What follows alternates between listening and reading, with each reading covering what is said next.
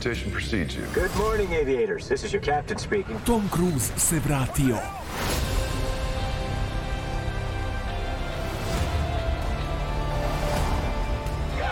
Top Gun Maverick u bioskopima od 25. maja.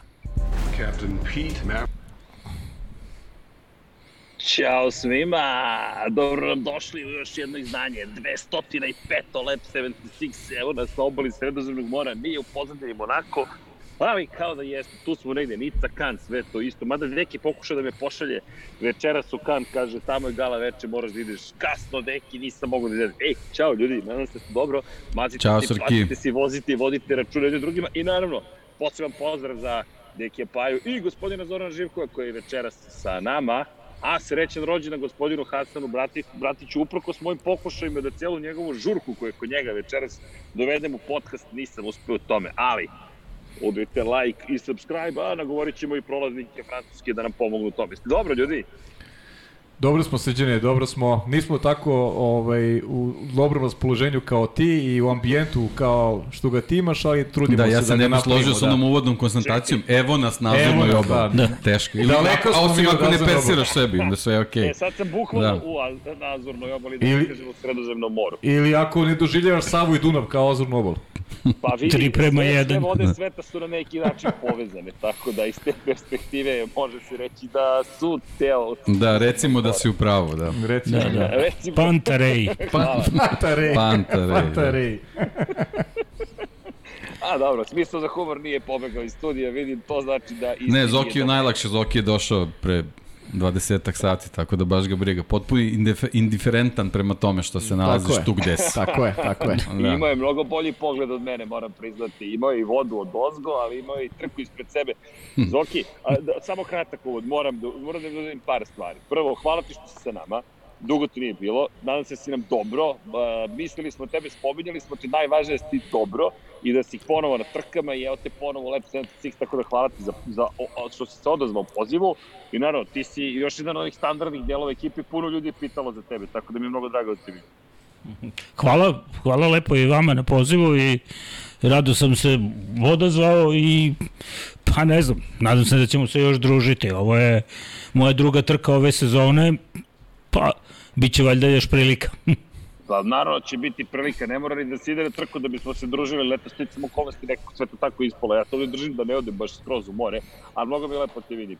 I e, naravno, to je prva i osnovna stvar. Ljudi pre svega, a druga stvar jeste, ljudi, Monako je pripao jednom Meksikancu, Sergio Perez, prva pobeda u Kneževini, treća u istoriji, treća u njegovoj karijeri, ali istorijska pobeda, postaje najuspešniji Meksikanac svih vremena.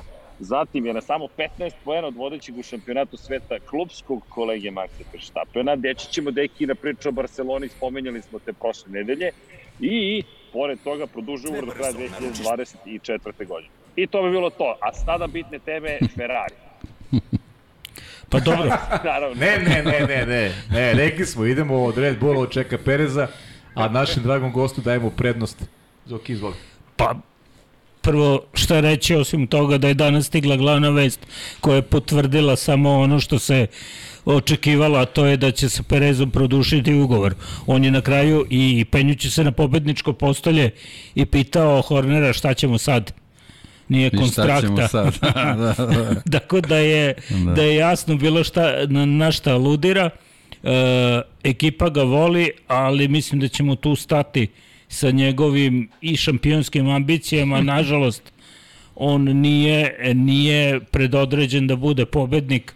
Red Bull gura od samog početka, već šest godina, jednog čoveka i Max Verstappen je projekt, projekat Helmuta Marka, doktor Helmuta Marka i cele ekipe, cele, celog Red Bulla, tako da Čeko Perez je tu samo uskočio i on je tu da pomogne u osvajanju šampionske titule. Nažalost je tako. Potpisujem sve Da. što je Zoki rekao, ja to isto tako mislim da je Čeko samo podrška.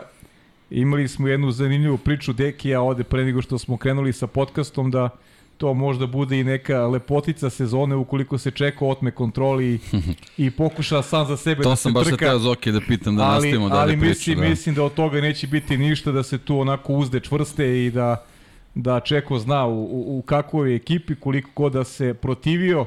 Ko zna, možda mu se okolnosti otvore ukoliko Max ne bude u nekoj formi, ukoliko ga krenu pehovi, možda mu se tako nešto namesti, ali Red Bull neće stati sigurno iza, iza Čeka Pereza a kad je na suprotnoj strani garaže Max Verstappen, tu nema dilema. Šta ti misliš dok pa ćemo ja... dobiti Nika Rosberga novog, a?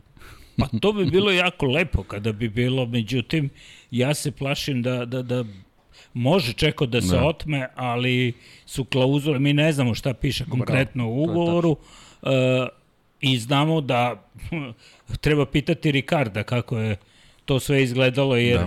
Tu su oni naučili dosta da se toga. Vratimo, da. da se vratimo samo šest godina unazad i trku koja je bila pre ne deset dana sada u Barceloni, kada je Ricardo vodio, imao svežije gume, e, Perez.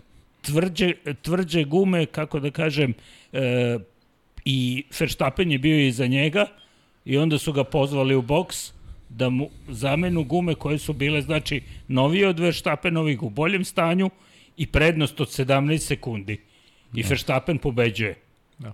I ispunjen je san o detetu koje je došlo iz Toro Rosoa, uzelo Danije Kojatu sve što je mogao, znači od mesta u bolidu preko žene i deteta, pa ne kažem dalje, i onda na kraju... večeras. da. Pa, pa iznosi činjenice, da. Prosto je, je tako, ništa, tako je. Ništa, da. ništa tu nije, da kaže da, da je izmišljeno. Da. I onda tu nema, nema neke sreće, da kažem, počeka. A sad, šta će se događati, to je, onda će tu u igru doći Ferrari. Ali sad kad je Red Bull, eh, kako da kažem, oni su eh, mašina i na vrhunskom nivou, oni hoće sve sad i odmah. I, i, i u, u vrhu Znači, ne, ne, neće ništa da improvizuju, neće ništa da prepuste slučaju i neće ništa polovično. Zato je i Honda morala da ostane. Bez obzira na ove priče, Honda se povukla. Gde se ti pogonske jedinice proizvode? I dalje u Japanu. Sve dolazi u Japanu. Svi ljudi vodeć, na vodećim mestima su Japanci. Konačno, ja sam u Monaku video kompletnu rukovodeću strukturu Honda. Mislim na F1 program. Znači, ti ljudi nigde nisu otišli, oni dalje sede tu, samo što se to sad ne zove kao Honda, nego je, ali to je zapravo Honda. Da. Ali generalno što se tiče te strategije vozača ovaj, i, i, i njihovog angaž, njihove angažovanosti tokom sezone, mislim da je Red Bull još od, od vremena Marka Webera naučio u stvari te neke lekcije kako mora ako želiš da, da sezonu izguraš kako treba, tako mm. je da ti jednostavno moraš od početka da postaviš sve stvari na svoje mesto. Tako je. Onda se to desilo, to je Ricardo najbolje osetio i sada evo dolazi jedna situacija koju pretpostavljam nisu ni oni očekivali da će tako da se razvije sa Čekom mm. Perezom. On je bio tu kao neki pouzdan vozač koji treba da pre, premosti čitavu situaciju dok se ne pojavi neki mlađi koji treba da dođe tu. Međutim, eto, mm. on je on, on je ispostavilo se dobar drugi vozač, e sad za to malo više već ulazimo u neke sfere naučne fantastike. Dve stvari, da. dve stvari iz trke, srđene, ti ja smo, ti ja smo pričali tokom prenosa o tome, pa me zanima uh, Zoranovo mišljenje, mišljenje i Dekijevo hipotetički naravno, prvo Max Verstappen u jednom momentu koji sugeriše timu da se Čeko muči na pneumaticima, a Čeko je na prvoj poziciji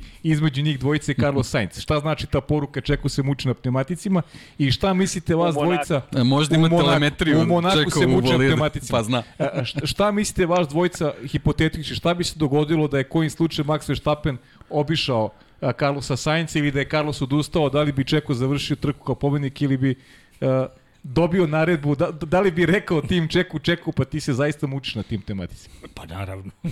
multi 21. Da, multi 21, da. A ne, ne, ne, nije multi 21, multi 12. multi 12. Pa, dobro, dva, je, jedan pa, dobro, plus 11. Isti su brojevi, srđani. Zna se ko je prvi. da. A, A i tada samo da ka... nije poslušao naredbu. Ne, e, sa, s tom razlikom samo što su e, u ono vreme Weberu priskočili u pomoć kompletno britanski mediji. I to je bilo, e, Red Bull je tada bio razapet poprilično na krst i e, kompletna britanski, kompletni britanski mediji su bili ti koji su podržali Marka Webera. I on je tu imao, e, kako da kažem, jednu zaleđinu, dosta solidnu, gde je mogao da se brani i on je, njegova nada za osvajanje šampionske titule je trajala do poslednje trke Da. u Abu Dabiju. Onda je Vettel onako, da kažemo, iz prikrajka se prišunjao. Uh -huh. I, I osvojio svoju prvu titulu. Jeste, da. Vettel imao za ostatak bodovni. Da. A zapravo, zapravo fokus je bio na Alonsa Alonso, tako je. i Ferrari koji ponovo nije uspeo. Tada je došao Luka Di Montecemalo. Svi su bili usmereni šta Luka kaže, šta Luka, šta su smislili. Luka je čovek koji je od pola trke nestao. I posle ga više nije bilo. Znači, ni kao ni taktike, ni strategije Ferrarija. I to se, bojim se, sada ponovo dešava. Dešava, da. Ako smem da uskočim, pošto Slobodno. vidim da, i- da polako ćemo da otplovimo putem Ferrarija, a to kad tu kutiju kada otvorimo, mislim da će se podići i nivo mora pre nego što je završimo. Samo, samo par stvari apropo Serhija Pereza. E, Ima tu mnogo sad i, i, paralela sa Weberom, sa Ricardom. Ima još jedna stvar, Daniel Ricardo i čuvena 2014. i Sebastian Vettel. Kada Vettel nije zabeležio ni jednu pobedu, tri pobede zabeležio Daniel Ricardo. Jednostavno i strategije i bolje vozi sve završio. To nije situacija koju danas imamo. Verstappen pobeđuje. Kad god završio je prvi put da nije pobedio da je završio, a bio je treći. Dakle, loša trka, loša. A bio je na trećoj poziciji. Međutim, za Pereza par stvari.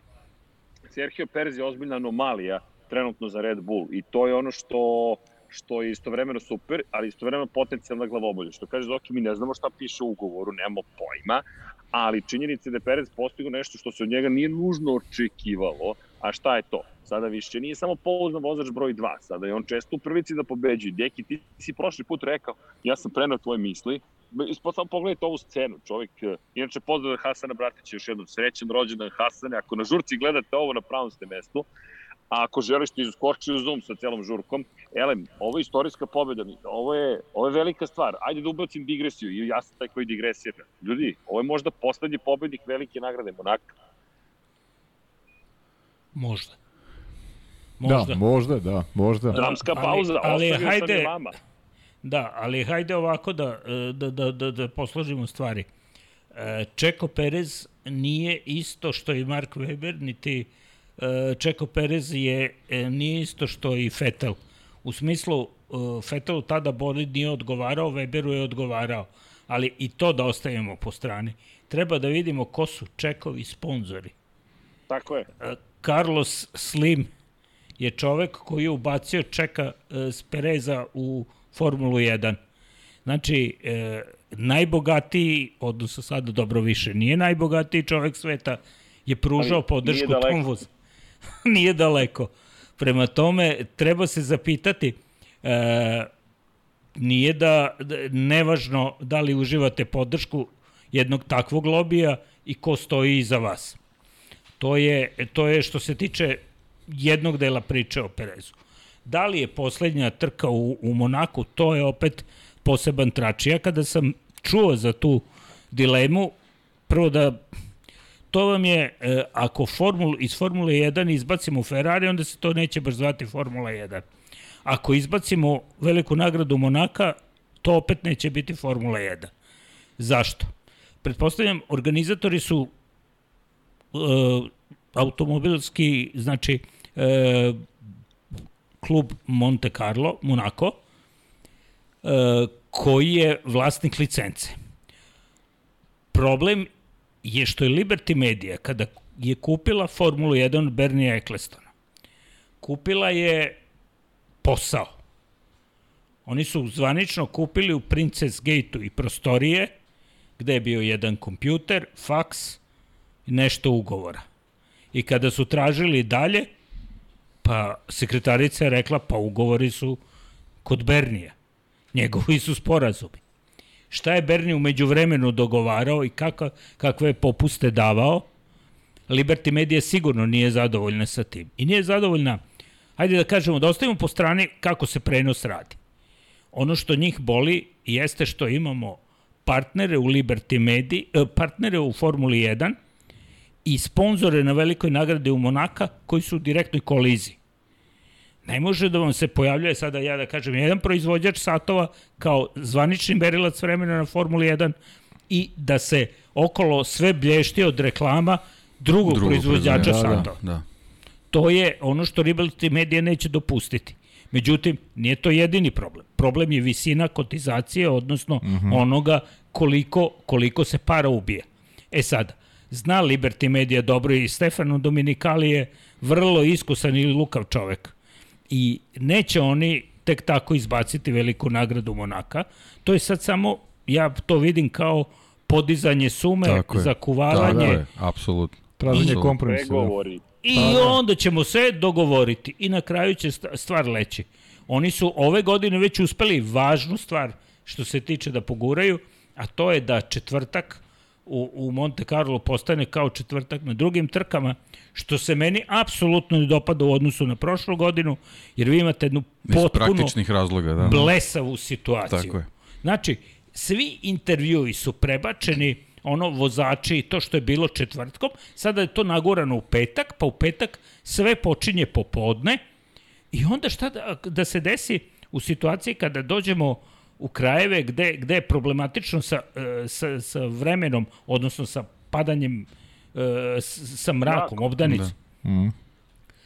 Umesto da imamo četiri dana vikend koji je, pokuši da se nabije u tri dana, a opet su individualni intervjui, koje sam ja ovaj put imao, ostavljeni za četvrtak. I to četvrtak u prepodnevnim, skoro prepodnevnim časovima, ranim prepodnevnim časovima, kada vam zvanično, e, ne znam, do 12 mogu da uđu samo novinari, odnosno mediji koji imaju godišnje propusnice, permanent pasove, a od 12 ostali. Mislim, to je, to je jedan potpuno neprofesionalan pristup svemu i to je ono što, što se ne dopada. Ali kažem, otišli smo, uh, Liberty Media je kupila Formulu 1, uh, cela mašinerija je bila u problemu što se tiče. Sada je popularnost porasla izuzetno, trke su posećene, uvek se traži karta više. Ovo u Monaku je bilo, koliko sam ja video, sve Kakav ti utisak? Bilo je baš Bilo je dosta da, sveta. Da, da. Mislim, u odnosu na one, e, recimo, najjezivije su bile one trke bez publike. Znate, vi kad odete tamo, nema ni ekrana, ni ništa, vi vidite da se oko na stazi odvija nešto, neki, da, da. ne, ne znate, nema publike, nema ekrana, nema, Nema reakcije, samo ništa se ne sudije dešava, da. i ništa drugo. E, ovde je bilo svega, bilo je i kiše, ali je nekako onaj, onaj tipičan glamur e, za Monako i ono nestao. Nije bilo onih e, žurki, još je sve to pod ovim covid terorom, e, još je to stegnuto onako, mislim, e, FIA se obavezala Svetskoj zdravstvenoj organizaciji da će poštovati ove besmislene protokole i onda je i onda tu imate mnogo stvari Da, koje Ima dosta apsurda. I, apsurda da, da, koje su sad mi radimo intervju konkretno sa Russellom on ne nosi masku zato što čovjek inače neće da je nosi a ovaj mi Ti si u obavezi zbog u akreditacije. obavezi zbog Da, da. akreditacije da nosiš masku To je Andrej baš pričao o tome. On, I- Prošle godine apsurd bio u Holandiji. Niko nije nosio masku osim fotografa. da. Znaš, to je Pa baš ne, onako... ne, ne, bilo je, bilo Da. je još, jo, još luđa situacija je bila u, u, u Austriji, gde je jedne nedelje COVID radio, druge nije. Kad su bile ono back-to-back trke. Da, da. I znači, jedne nedelje ništa nije moglo, imali smo most kojim smo išli e, preko, a nije bilo publike. Sledeće nedelje je došlo 40.000 Holandjana i isti most smo koristili i potpuno besmisleno je bilo. A, a još, još, je, još je sumanuto bilo, to mogu da potvrde i, i Hasan i Andrej, kada su u Budimpešti tražili, znači, ja sam se posveđao tamo i uopšte, i, i, i rekao sam da mi ne pada na pamet, nek mi uzmu akreditaciju, ali ja neću da nosim masku, ne pada mi na pamet. Ako 95% njih ne nosi. Naravno, ne zbog toga, nego, uh, Den, mi izlazimo na stazu. Pitam šta je ovo? Oficijalna temperatura pokazuje da je temperatura vazduha 34,2. Da je temperatura staze 67,4 stepena. Znači, na visini u kojoj sam ja, e, gde udišem ili izdišem vazduh je otprilike metar i po, tu neke 50 stepeni. Ako taj virus najopasniji na svetu, može da preživi na plus 50, onda to parče krpe, odnosno o, ga sigurno neće zaustaviti. Ja sam pitao, znate li ljudi kako ja imam masku kada šmirglam automobil ili prskam vinograd? Pa mi bi morali svi da budemo u skafanderima onda, a ne da nosimo maske i da... I sad ti treba da potrčiš sa tom maskom. Ali to je jedno od besmislica Svetske zdravstvene organizacije, najveće kriminalne organizacije, I mislim to sad ajde. Čekajte ljudi, stanite, stanite, stanite, stanite, polako. Da, da, Ljudi, čekaj, Liberty evo Media, u- vraćamo se. Nemoj da padneš u more, evo. Obećavam, neću više. Samo još kad se dotaknem Ferrari. Ne, ne, ne, ne, ne, ja sam razmišljao šta je sledeće, gde ćemo dalje, idemo u svemir. Čekajte, ljudi. Da, si izronio, si izronio. Izronio sam, sirena se Dobro. pojavila, ali samo sam htio da kažem, pa... Pazi, ne, pazi na meduze, molim. Ne, pas, lavež, lavež morskih pasa se čuje iza.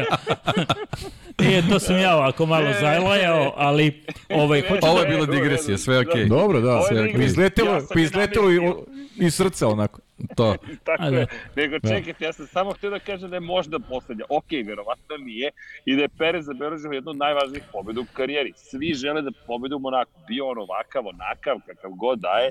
To je Monako, to je velika nagrada Monaka. Nema čoveka, to je laž. Ako mi neki vozač kaže ne, ne interesuje da pobedim u Monaku. Ljudi, pobede u Monaku je pobeda u Monaku. I stavljate u jednu posebnu poziciju. Inače, Zoki, setio sam se tebe, konstatovao sam da su uglavnom iz Kraljevina vozači Formule 1, da ne otvaram tu temu, samo prvi, jedini prvi republikanac na tabeli je Čeko Perez, pa eto, iz te perspektive. Ali ono što je poenta, zašto kažem da je anomalija Čeko Perez? Nije on Vettel, nije on Weber, nije on ništa od toga, ali šta je uradio Čeko Perez? On je došao čovjek koji je bio otpušten manje više, doveden u ekipu u kojoj čovjek je broj jedan vozač, Verstappen uništavao protivnike, dakle niko nije mogao da parira njegovoj brzini. Prošle godine se snašao, nekako preživeo, dobio je produženje ugovora i sada je dobio višegodišnji ugovor. Ljudi, on će još dve i po godine da bude ovde. Koji je poslednji vozač koji je dobio dvojpogodišnji ugovor, pri čemu je on zalupio vrata svima u Red Bull Akademiji, za sada, ako se ne pobuni, nešto krene naopako iz perspektive plana Red Bulla, pa i Pereza. Ali ljudi, ko priča sad o Pieru Gasliju? On, je, on, on ne postoji više u toj temi. Pa Yuki to je- Tsunoda ne postoji u toj temi. To je interesantnija priča, ali, ali uništit će Max čeka do kraja sezone. Mi sad pričamo na uzorku od ja sedam mislim trka. da tu počinje rat jedan, izvini. Ma pa ja samo Ne, hoću, neće ja biti samo rat. hoću da kažem, Ne. Čeko Bilo Perez, bi lepo da ga bude, ali neće. Videli ste suze ove na pobjedničkom postolju, oni su pre svega, ja mislim, dirnule Meksikance i Carlosa Slima i mislim da sad ako poželi da vozi 24 sata Lemana, kupit će mu ceo Ferrarijev tim, vrat, da sedne tamo i da vozi. Da. To je stvari E, poenta. Osvojio je Monako, sad može E, 24 sata to- Lemana, 500 milija Indija, sad 500 može da bira šta hoće. Pozdrav za Ovo je, ovo je jedan, jedan ogroman, ogroman korak za njegu u karijeri, Jeste, zaista. jeste. zaista. E, ali šta, koji rat kreće? Ali da nije htio bilo kažem? Ferrarija, ne bismo i danas pričali o Čeku Perezu. Tako je. Tako je, e, ali slušaj sad ovo, evo, puštam Ferrari, samo jedna stvar, bitna. Jos Verstappen koji se oglasio i rekao da je loša strategija data Maxu Verstappenu i da je favorizovan Sergio Perez. Ja na taj rat konkretno mislim. Jos ne kažem da radi nešto što od njega traži Max, ali će Jos da pokuša da zaštiti svoje dete i on će da izvrši ogroman pritisak. I to je sada već neki pritisak. To, to Pa dobro, da se to su klasične strategije. Ma da, to. ma da. Ništa, puta smo to ništa slušali. manje isprem onoga šta je Carlos Sainz radio Tako u je. Ferrariju. To Jeste. se čulo iz polja, iz motorhoma. U E, četvrtak. Čisto, čisto je da eto napomenem samo da je to mislim da će krenuti, ali Čeko Perez prvo skidam kapu, svaka čast. Od onoga da donosimo meksičku zastavu, do toga da kažemo svaka čast majstore, druga pobjeda u karijeri, prva za Red Bull, u momentu kada je to Red Bullu potrebno, do toga da je on sada treći u šampionatu i Deki, ono što si ti rekao preko nas, što smo preželi, da da je u Barceloni, makar pušten da se trka sa Maxom. I zamisli da je uspio da ga nadigra, sad bismo imali poen razlike između njih E. dvojice u šampionatu. Da, je. Da, da. To da. Da. I još jedna stvar, ono što si lepo rekao, Red Bull on ne znači toliko sponzorski, ali kada bi otišao u Ferrari, e, to bi bilo... Bi Zamisli- bila Pa, ja mislim da generalno njegov projekat i ulazak u Formulu 1 je treba dovede do toga da on uđe u Ferrari. Za, za, On je bio na akademiji. Već je bio na akademiji, već je Carlos Slim je već bio sa sponzorstvima u Ferrariju, ali dobro, neki drugi put je Da. otišao, sve je okej, ali kažem, ova pobeda sad otvara neke nove, nove Zamisli da je sve vremeno Ferrari podržao Edija Irvajna, recimo. Zamisli, Da, na da. primjer. Pa to, I rekao ista ne. priča. I rekao, I rekao Schumacheru ne, mora, mora Irvine da bude prvi šampion posle E, Jodija da- Šektar. Ili, da- ili, ili Barrichello. Ili Barrichello, da. Ili- Ili da su pustili JJ Lehta da pobedi, Pa, na u primjer, Nemačkoj. Hockenheim. Da, Da. na primjer. Na primjer. Svašta se tu dešava. Nije, nije čekao ni prvi ni poslednji. Ne, Ma, on nije, je dobio, Salo, on je dobio dvogodišnji E, da, ugovor. izvinjavam se, Mika Salo, bravo. Da, da, Da, da, on je dobio dvogodišnji ugovor samo da bi bio uh, tešnje vezan. Ma da, on, je, Na on ono. je dobio premiju. u Suštini, ljudi, on je pre dve godine bio nilaznim vratima Formula 1. Tako je. Mislim, ni- on je dobio čovjek premiju. Vozi za Red Bull, bori se za pobede. Šta ćeš više od nekog ko je bio, ko je bio spreman za penziju? Tačno, prestigo legendarnog Pedro Rodrigueza, najbolji Meksikana svih vremena, dakle premiju je dobio čovjek. I dobro se proveo na žurci posle, posle trke. Patronova žurka sa jahte, ne znam da ste videli, jedva izašao sa jahte, sve sa patikom u moru. Ali to je deo proslave. Dobro, to sad- Nego, spominjemo taj ulazak u Ferrari. Ljudi, ko treba da uđe u Ferrari da bi Ferrari iskoristio svoje šanse i drugo, koga podržava Ferrari? Zaslužio je pre svega Perez ovu pobedu. Jeste, A e, meni je s druge strane žao svih onih koji su Leclerc je ponovo doživao jedno razočarenje i to ne svojom krivicom, odnosno ne svojim e, da kažem nekom greškom ili, ili ono, stvarno je u situaciji u kojoj uh, teško, je, teško je opisati, ja sam gledao sad taj snimak ponovo od, od onoga kada je činilo da mu se e, sreća osmehnula kad je Perez u kvalifikacijama napravio grešku, blokirao, Sainca blokirao Maxa do situacije u kojoj Leclerc ulazi u sve one komentare masne koje smo manje Ali više to je bila imali. super situacija ovaj, na ulazku u tunel. Trojica u kadru koji su na kraju bili E, na bravo, podijumu. da, sjajno, sjajno, jeste.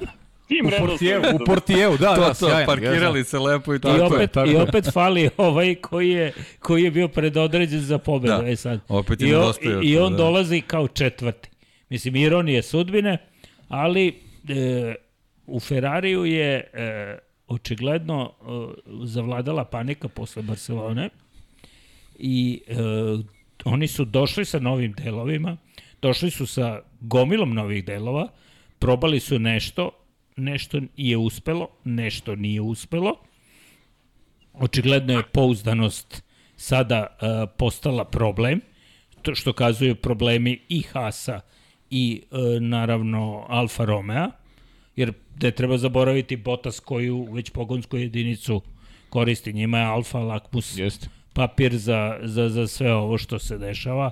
Haas je sa svojim sedištem u Ferrariju, da ne zaboravimo, Haas ima svoju uh, halu tamo i oni, oni pripremaju bolide. Međutim, ono što je problem kod Hasa, to je, to je onaj deo, go- zapravo problem kod Ferrarija, jeste deo priče gde će pre ili kasnije doći do sukoba dve struje. I to su dve struje koje raspolažu ozbiljnim kapitalom, jedna koja podržava Vatikanska koja podržava Carlosa koja podržava uh, Charles Leclerca i ova druga sa Santander grupacijom koja neće da radi ni sa Vatikanskim lobijem, ni, ni, ni oni rade za sebe, masonska da kažem tako, i to je sukob između njih. Drugo, Carlos Sainz je došao, kad je došao u Ferrari, prošlu sezonu je bio ljubazan, fin, sve, mm -hmm. Da. bio je bolji od Leclera, zato što je bio rasterećeni. Sada se našao pod pritiskom jer mora da se nametne i nije dobro prošlo. On forsira. Slična je situacija recimo i Hamilton koji forsira previše da bi nadoknadio anomaliju, ali ajde, to će on posle u Me- u Mercedesu.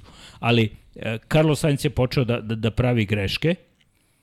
E sad, nije mala stvar kada njegov otac se kao i Verstappenov otac umeša i kaže šta ima da kaže a konto Ferrarija, Šta onda si se, čuo? onda Šta se, si čuo? Ajde, čujemo. Pa čuo sam samo da je bio povišen ton razgovora u Ferrariju, gde je, gde je očigledno Carlos Sainz nije pričao o vremenu kako će biti. Da. Tako da je... Oko kišobrana. Nije- se nije- svađa- nije Svađali se oko kišu, nije kišobrana. Nije, to je. nije, da, sigurno, jer Carlos Sainz je prilično direktan. I njegova reč ima težinu. I to se sve dešavalo u, u, četvrtak.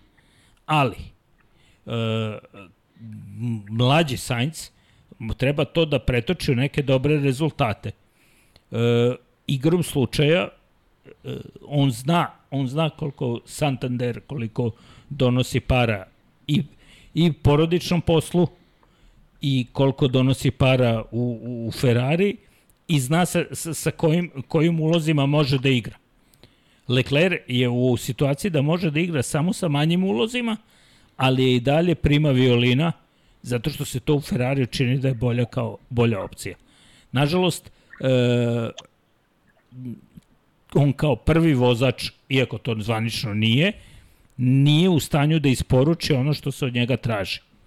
A Sainz nije dovoljno dobar da se nametne kao prvi vozač. I sad je to e, funkcionišu, oni dele podatke, oni su dobri drugari, sve, sve zajedno, ali gledaju kako ko, kome da stane za vrat.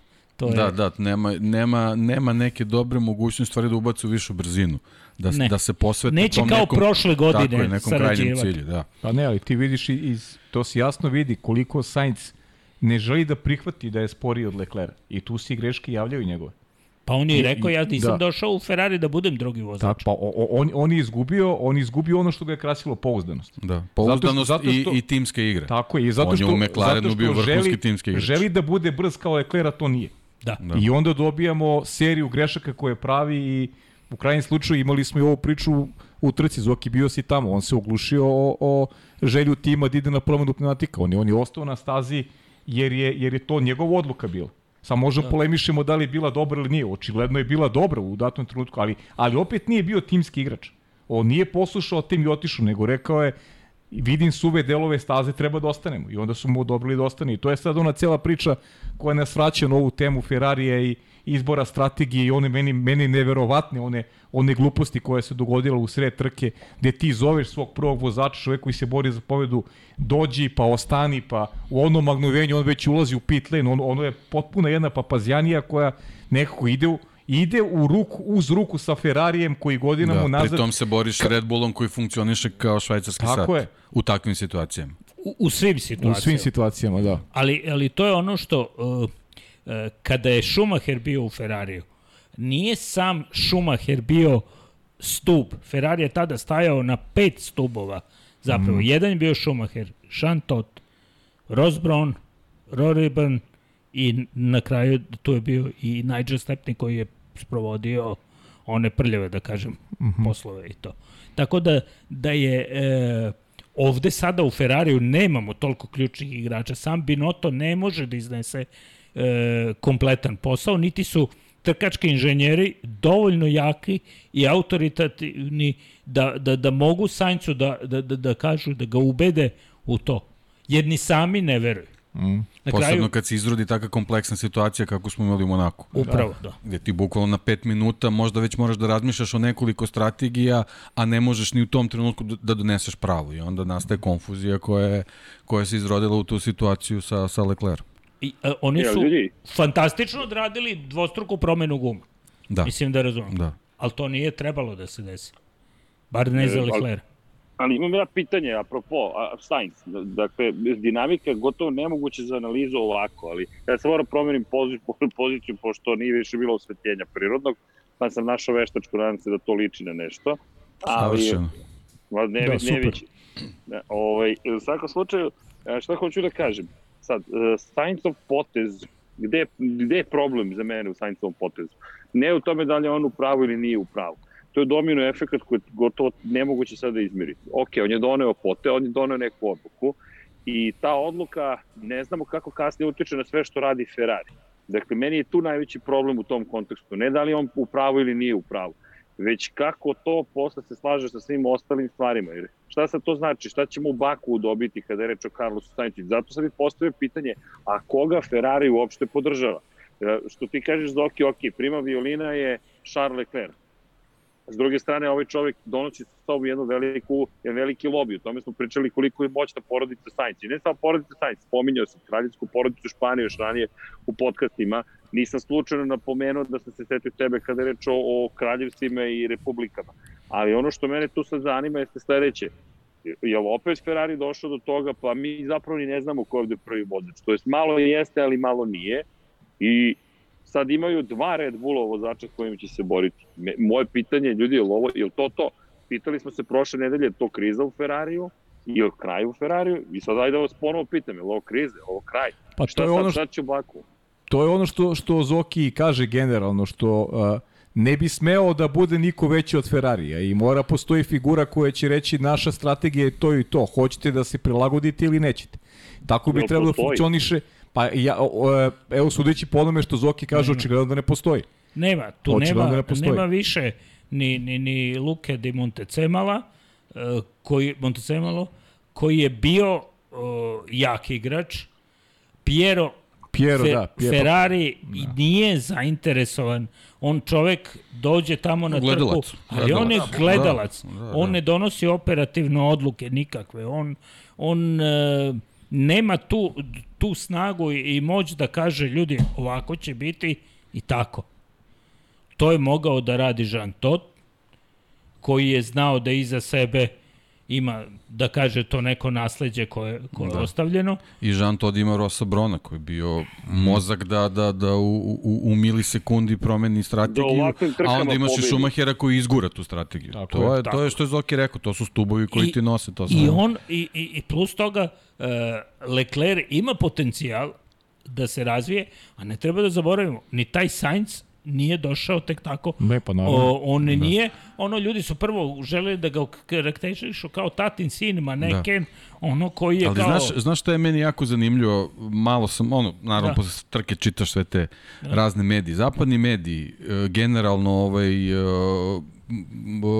portali koji su vezani za automotosport, niko ne gleda iz, iz ovog ugla da se Sainz uglušio o, o kao neku, uh -huh. neku strategiju, naravno, nego pohvaljuju njegovo dirigovanje tokom trke, njegovu odluku da, da, da ostane na strategiji njegovoj, no, novoj, a, i samo spomenju da nije bilo Latifija, Sainz bi pobedio. -huh. I, oni, I oni na taj način gledaju njegovu trku. Znači, apsolutno niko ne zamera na tome što je, što je odlučio da, da, da, da, da promeni situaciju. Što, ono, ono što smo mi pričali, što mene dovodi i do nekog razmišljanja, možda mi nismo čuli ni celu poruku. Oni su možda čitavo vreme komunicirali, a mi smo dobili, Samo pošto znam, fragment. dobijemo Pa pa da. fragment koji je onako Pa pa lep, lep za neki zaklep, zaplet, gde kao dobijamo vozača koji se buni to je, protiv ekipe. To je, to je problem, sad tu dolazimo na Liberty mediju i Da. na, na režiranje prenosa koje je recimo prošle godine, ljudi, ja, ja ono što govorim od prošle godine, i u Formuli 1 postoji sukob. I taj sukob će doći pre ili kasnije do izražaja. Između Formula 1 administracije, koja je američka, koja gleda na to kao spektakl, i FIE, koja želi da diriguje pravilima. I Što je oni uvek su- bilo. I oni su u koliziji. Tako je. To je ona situacija iz o, tamo 70-ih, 80-ih, FIA FOK. Odnosno FIM, FI, kako je Kako već se zvalo, bilo. da, da. I e, to je koja je rešena Concord sporazum. Samo ovde sada nema Bernie Ecclestona da ujedini timove i da, da ovde će uh, zašto je Michael Mas je znači ispao najgori čovek iako uh, 90% odluka nisu samo njegove bile ali su prenosima i režiranjem i, i biranjem segmenata poruka gde se ne čuje gde je Jonathan Neal i njemu šta odgovara, mm. nego se čuje uh, uh, here is the offer. A pre, u prethodnoj rečenici je bilo John, this is not an offer. You can give me an offer. I onda ovaj kaže here is my, ovde je moja ponuda. Da. Tako da uh, izvlačenjem uh, pojedinih konteksta, poruka da. iz konteksta Da. dobije se uh, to je hollywoodska režija. Da, zato je meni zadrška u toj čitavoj situaciji sa, sa Saincom i tom porukom s tom spornom porukom. E sad- Jer mislim da nije bila jedina u toj konverzaciji. oni su, oni su dobili ono što su hteli, postigli su, znači, dramatika trke je postignuta. Da se okrenemo mi u suštini koliko je bilo preticanja. Da. Problem imate, oni voze kamione, to nisu trkačke automobili, to su kamioni. To je bolid, kaže Schumacherov bolid se raspao. Pa zašto se raspao? Zato što imate masu od 900 kg koja udara u zid. I zaustavlja se u I zaustavlja da. se i normalno da menjač po inerciji nastavlja kao jedini slobodan deo, nastavlja samostalno. Da. Nema tu nikakvih to veza. možda, možda obrtni moment i dalje grabi po točkovima i kida i vuče na svoju stranu. Pa, Da. Mislim, Da, e, to, to smo, izvini, spomenuli tokom 1. prenosa, bu- bukvalno to. Dakle, mi imamo, ali pazi, meni je posebno zabrinjavajuće što se stajala otkinula. Dakle, Nema tu sajla koja- sajle, da. srđane. Mora da Nema bude tu sajle ali- nikakve. Ne, ne, ima. E, to je Ove menjačke- godine- Oni su uveli teter ove godine, da mora da spoji zadnji deo. Po pravilniku teter postoji sada između zadnjeg kraja. To smo videli u Saudijskoj Arabiji, ako se sećaš kad mu je visio zadnji kraj. Dakle, kako je visio, baš Miku Šumahir, isto Haas je visio i tačno je Sajla držala zadnji kraj. Oni su teter uveli u pravilnik od ove godine da mora da ga drži. Nije ga bilo. I što ti kažeš, to je, to je slobodni to je slobodni element. Ljudi, to je projektil. To je sticajem okolnosti sad ovde tako se završilo. Ali Ne znam. ti imaš projektil bukvalno koji je ceo me, menjački sklop kompletan, bukvalno kompletan menjački sklop s motorom, zadnjim točkovima otišao svojim putem. I kao, čekajte, Oni nemaju ljudi, boje ispod spoilera. Znači, donji deo kod bolida se trenutno farba samo ono što je vidljivo. Ostalo je go karbon. Zašto? Zato što su pre teški.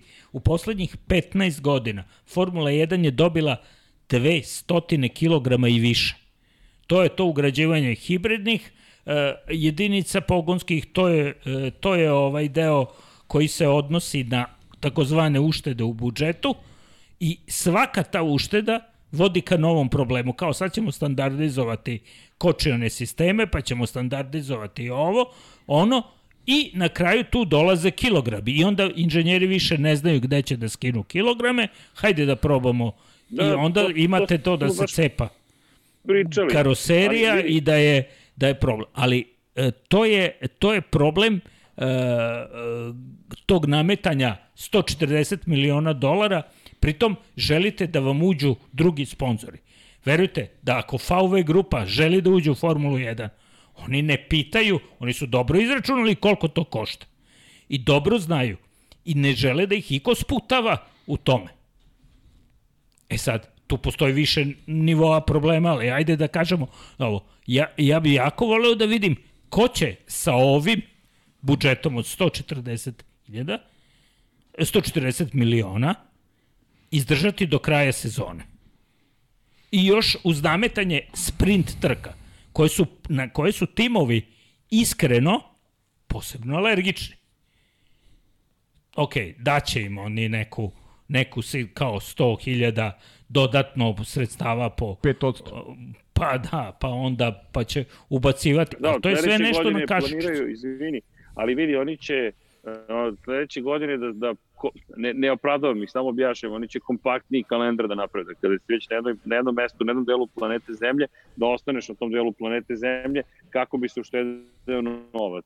Ali sad, i ja mislim što se dešava takođe, e, Matija Binotto i ta cela priča o tome da oni prezentuju koliko je do sada ovo napređenje imao Red Bull i koliko su zapravo para potrošili, meni deluje kao pritisak da se poveća budžet, isti koji vrši pritisak i Red Bull, koji govori nećemo stići do kraja sezone. Pa možda nećete, ali to je vaš problem onda i sve u cilju toga da se poveća i budžet. Ja mislim da zapravo se malo i kockaju, u kom kontekstu kockaju, to je sad koliko je kocka, evo, to, to, to, to mi reci, molim te, koliko misliš da je kocka, ovo je samo moje mišljenje, ako ti sada trošiš mnogo više para nego što ćeš potrošiti, nego što znaš da možeš da trošiš da bi izdržao do kraja sezone, ali kažeš baš me briga, jer toliki ću pritisak da izvršim na kraju na Liberty Mediju da spektakl ne trpi, da će morati da mi daju pare.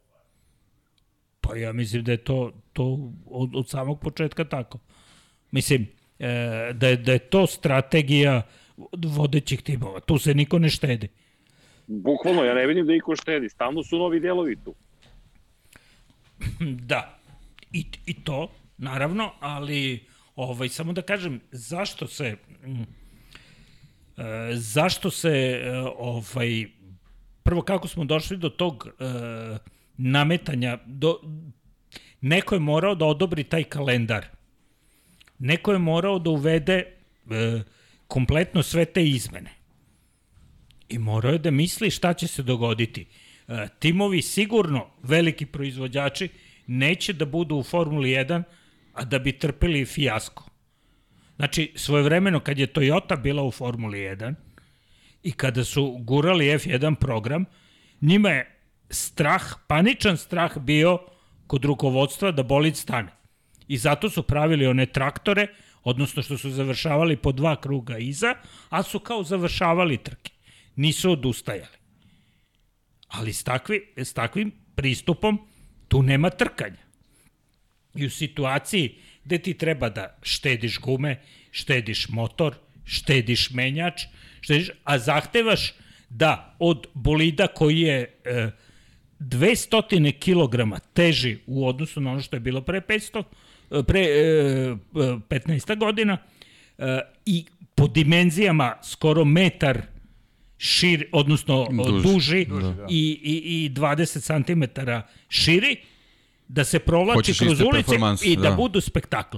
I pritom, još nešto, komisija koja je oformljena u okviru FIE radi na temeljnoj izmeni staza. Staze se sistematski upropaštavaju. Po meni, moje mišljenje. Ne mora da bude tako. Ali, pogledajte šta su uradili sa Abu Dhabijem.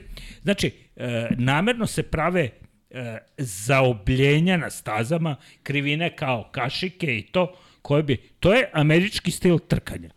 Ali u Formuli 1, sa tako velikim bolidom, širokim, vi kada se izmestite 70 cm od idealne linije, Morate da kačite negde nešto. negde nešto mora da, Da. zakači, a onaj Da. drugi iza nema šanse da, da vas pre, pretekne makoliki nivo gripa imali. Da. Pa evo, sada dođemo taman i do, i do, Maxa Verstappena kao, kao trećeg, čovjek koji je, videli smo, aktualni svetski šampion koji je kroz svoju karijeru pokazao, on je pravi rasni trkač i njemu ovaj Monte Carlo jednostavno ne odgovara.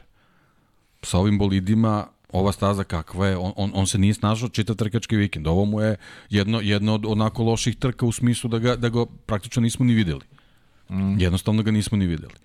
I to ti ono, ono, ona priča, ja, ja se uvek setim, ovaj, srđan znam, ovaj, da kažemo, Maxov aktuelni tast, ovaj, Nelson Piquet, on je čovjek govorio, ja u Monte Carlo kao da vozim bicikl po sobi.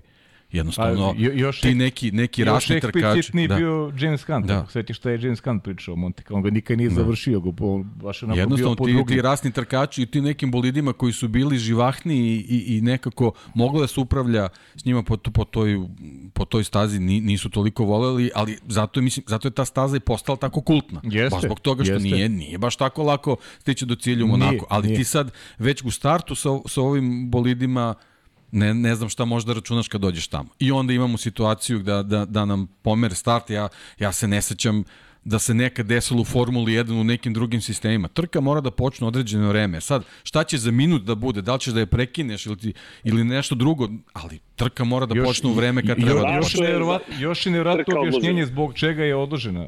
Da nije To- radila to signalizacija. posebno, To, je to katastrofa. I opet, pa što Evo, se, kako se nije popravila pa mo- signalizacija da. u sat vremena, pa da imamo start iz mesta, ne da, ne, ne da imamo leteći start. Ono što je zanimljivo u Monte Carlo je, je start iz mesta. I mi to nismo dobili, nismo dobili start iz mesta uopšte. Ne, meni je to onako, kako da kažem, a to vidim u funkciji onog prvog što smo govorili, a to je e, obaranje, odnosno podizanje cene kotizacije Monte Carlo za neka o, buduća vremena. Sada ćemo da vam upropastimo show, Ah. da bi, da bi morali Da da... biste shvatili da, da kako bi treba se shvatili igra. da, da, kako da, se igra. Eto, to, je, to je samo moje mišljenje. A sad ne znam da li Ja ga imam- delite. kontratezu. Ja mislim da su odložili start da bih ja mogao da se uključim iz Muđela. A, dobro, i, ima i to. Moguće, moguće. A dobro, to ono što je Zoki pričao i ti i ja smo prošli kroz prenos vezano i za kotizaciju, pa čak i za, ter, za termin održavanja trka u buduće, pošto je Monako insistirao da taj neki uh, maj mesec, uh, kraj Da, maja, da, da se to možda promeni zbog upravo zbog onog što smo naveli, zbog smanjenja troškova i tog, tog regionalnog grupisanja trka u buduće, ali mislim da je ove godine e, ako hoćete već da uštedite, mogli srećnije se napravi kalendar, a ne da iz Azerbejdžana idemo u Kanadu, da Miami bude u sred evropskih trka, tako da je e, u sklopu smanjenja budžeta neko je mogao da jeste, vodi ali račun i to je- ove godine. To da. je sad neki ma, mač, pojavljuje se nova oštrica u smislu publike, a to smo Srke i ja pričali mnogo puta u Moto Grand Tako je, Prix. Deki. Kad se vežu trke na, na lokacijama koji su blizu, Šta dobiješ? Se. ti nećeš imati publiku, Publiku. koja ima, koja finansijski može da izdrži da, da, da pokrije te trke. Apsolutno. I još to je- to stvar, je izvini, jednostavno nemoguće. Izvini, a, sad smo diskutovali Deki ti i ja i dosta se priča inače u Moto Grand Prix o razlikama između Formula 1 i Moto Grand Prix. Dorna, španska kompanija koja je vlasnica komercijalnih prava, kao Liberty Media za Formula 1, Moto Grand Prix-a, ubi se želi da bude Formula 1, ne shvatajući da MotoGP nikada ne može i neće biti Formula 1. Formula Vidi 1 su avion iznad crkije, gle. Kakva scena. Ha? Opa, a? Ili avion, jeste? U, jeste, avion je. Gde leti, Izvini, molim te. gde leti taj za Barcelonu? E, ma nećeš verovati, a ja sam na 5G mreže, iza mene avion. O, o, o, o. Ja se izvinjam, ali morao sam... Taj možda za Barcelonu primetim. leti, znaš. Vidi, ne leti taj za Barcelonu, ovaj idemo ide po drumu. A, po drumu, dobro. E, po drumu. A dobro, počeli smo sa Džankijem da radimo na toj kuri i lečenja straha. od Izvini, prekinuo da- sam, taj vrati Ajde, se, vrati se, vrati vrati se na, na Ali- Dornu. Da, da se vratim na Dornu. Dorna želi silno da bude Formula 1, ne smatajući da nikada neće biti Formula 1. Ne može da bude. Mnogo je, mnogo kompleksna je tema, ali da svedemo na jednu od najvažnijih. Motociklizam nikada nije bio elitni sport kao što je Formula 1. Nisu kraljevi i kraljice organizovali. Konačno u Beogradu je trku pravila kraljica. S druge strane imaš situaciju gde su kneževi, grofovi, svi oni učestvovali trkama. To je bilo in. I šta tu još se dešava sa publikom? Publika često dođe na stazu koja nije tu samo zbog trkanja, već zbog šoua da se fotografiše, da bude prisutni. To vidimo sa Liberty Medijom. Mislim da je Liberty Media shvatila da je polovina ljudi koji vole trke, a polovina, ako ne i više ili manje, ne znam na koju stranu to vuče, ona koja želi da bude viđena. Na Moto Grand Prix s izuzetkom ere koja se upravo završila od četvrt veka Valentina Rosija, manje više niko ne dolazi da bi bio viđen. A čak i tad nisu dolazili da budu viđeni osim sa njim, nego su dolazili da gledaju trke. Trke su sada spektakularne Moto Grand Prix, ali ti nisi show biznis. Ovo je show biznis. Ja iz te perspektive mislim da si ti neki 100% u pravu. Cela priča meni o regionalnom grupisanju, da uđemo malo detaljnije, to je šuplja. Zašto? Šta će sad neko da ode u Miami, pa će da ode u Las Vegas, pa će da ode u York kako ga ubaci, pa će da ode u Texas. Neće. Moraš Umesto da mu skupiš daš šest određen- meseci da skupi novac pa da ode na tu trku. I još jedna stvar, Da. da. e, šta rade pija, agenti za, za odnose s javnošću? Ej, jedna trka u Miami je okej, ali da se Brad Pitt ili ne znam ko pojavi četiri puta na trci Formula 1, halo ljudi, nije to samo pitanje statusa, to je pitanje para. Koliko vi mene plaćate da se ovde pojavim? Pa šta sam vam ja marketinški projekat? Ne, to je to, vi, to je uzajamno. Vi meni dajete novu publiku, ja vama dajem novu publiku. Zato Pa, Flavio biznis. Briatore dovede sve A dobro, žene nije, i nije samo Brad po Pitt, jednom trošku. jednom će doći Brad Tako Pitt, je. drugi put će doći neko drugi. Evo sad sam imao, nisi bio u prenosu pa nisam video, Da, neki, neki o, iz Denvera je bio. Evo, Russell Wilson, dobacujem i Vanja, prvi put čujem za čoveka, ali ali ima tih zvezdi. I mislim da u jednoj ovakvoj sezoni da da meni nije problem uh, regionalno regionalno trkanje mislim uh, zato što mislim da da kada kada je sezona dobra da će ljudi izdvojiti novac i da će doći gledati da li je to uh, da li će ići na trke uh, dva puta ima u, u, šest meseci ili će ići dva puta u tri nedelje? Mislim da da ne menja stvari za neko ko voli za publiku koje Misliš voli da pre samo svega do pre spektakla. Ma, koliko ja, samo mislim da je, to, da je do toga, da, da, da je sve ostalo po strani. Od trke od pre 4-5 godina, kad je bilo sve predvidivo, to neće niko da gleda. To će da ide, to će Zoki zato što ima voli, to ćemo gledamo mi, zato što Ima to volimo. pravo si. Nismo svi pasionirani ljubitelji Da. ovog sporta. Ima ljudi koji će to otići zbog spektakla. nismo. A kad je spektakl dobar, kad imaš vrhunsko trkanje i sve što ide uz to, onda će ljudi doći da gledaju. To je moje mišljenje sad, eto, to malo nam Da, se mišljenje je. razlikuju, ali Pa, Ne, ne, mislim da si 100% u pravu. Ne, ne, ne, Ja ali mislim- mislim da si 100% u pravu. I Iskreno kombinujem, sad razmišljam. Da, finansijski, izvini. finansijski je ovo potpuno u redu razmišljenje. Kao Da. dođemo, pa smo u tom delu sveta. Ali uh, moraju se znati neki prioriteti. Sad ispada da je velika nagrada Majamija značajnija od velike nagrade Monte Carlo. Prva i 79. u istoriji. tako je. Mislim, To da. I evo imat ćemo, dopričat ćemo kasnije. Imali smo za vikend Indiano, Indianapolis. 325.000 ljudi je bilo na stazi. Ali to je ta trka u tom trenutku. Da, da se sledeće nedelje održava još jedna. konačno, dobro, i Indianapolis znaš je ko nešto što samo specijalno. Pa da, traje. baš zato, zato što Da, je da, nešto specijalno. Baš to. Baš zato, ta, trke Formule Ali 1 moraju da da budu u nešto pravu, specijalno. Uvek su tako, takve bile. I, I pratile su uvek, recimo, tamo Azurna obala, zašto su Da. da. skupljali. Konačno i satnica, kako izgleda kalendar i ovaj sam program na stazi.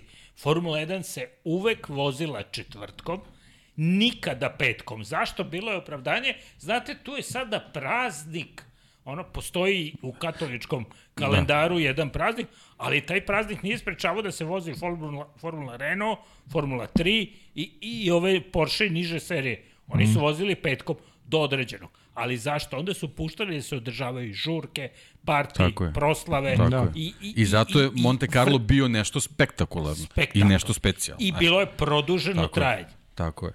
I zato se princi cela, cela uh, da kažem, ono, Tako je, ali evo, evo mislim sa tobom mogu da pričam, ne moram budem džentlmen prema Zokiju. Da. Ti si pred 35-40 godina prvi put bio na trci.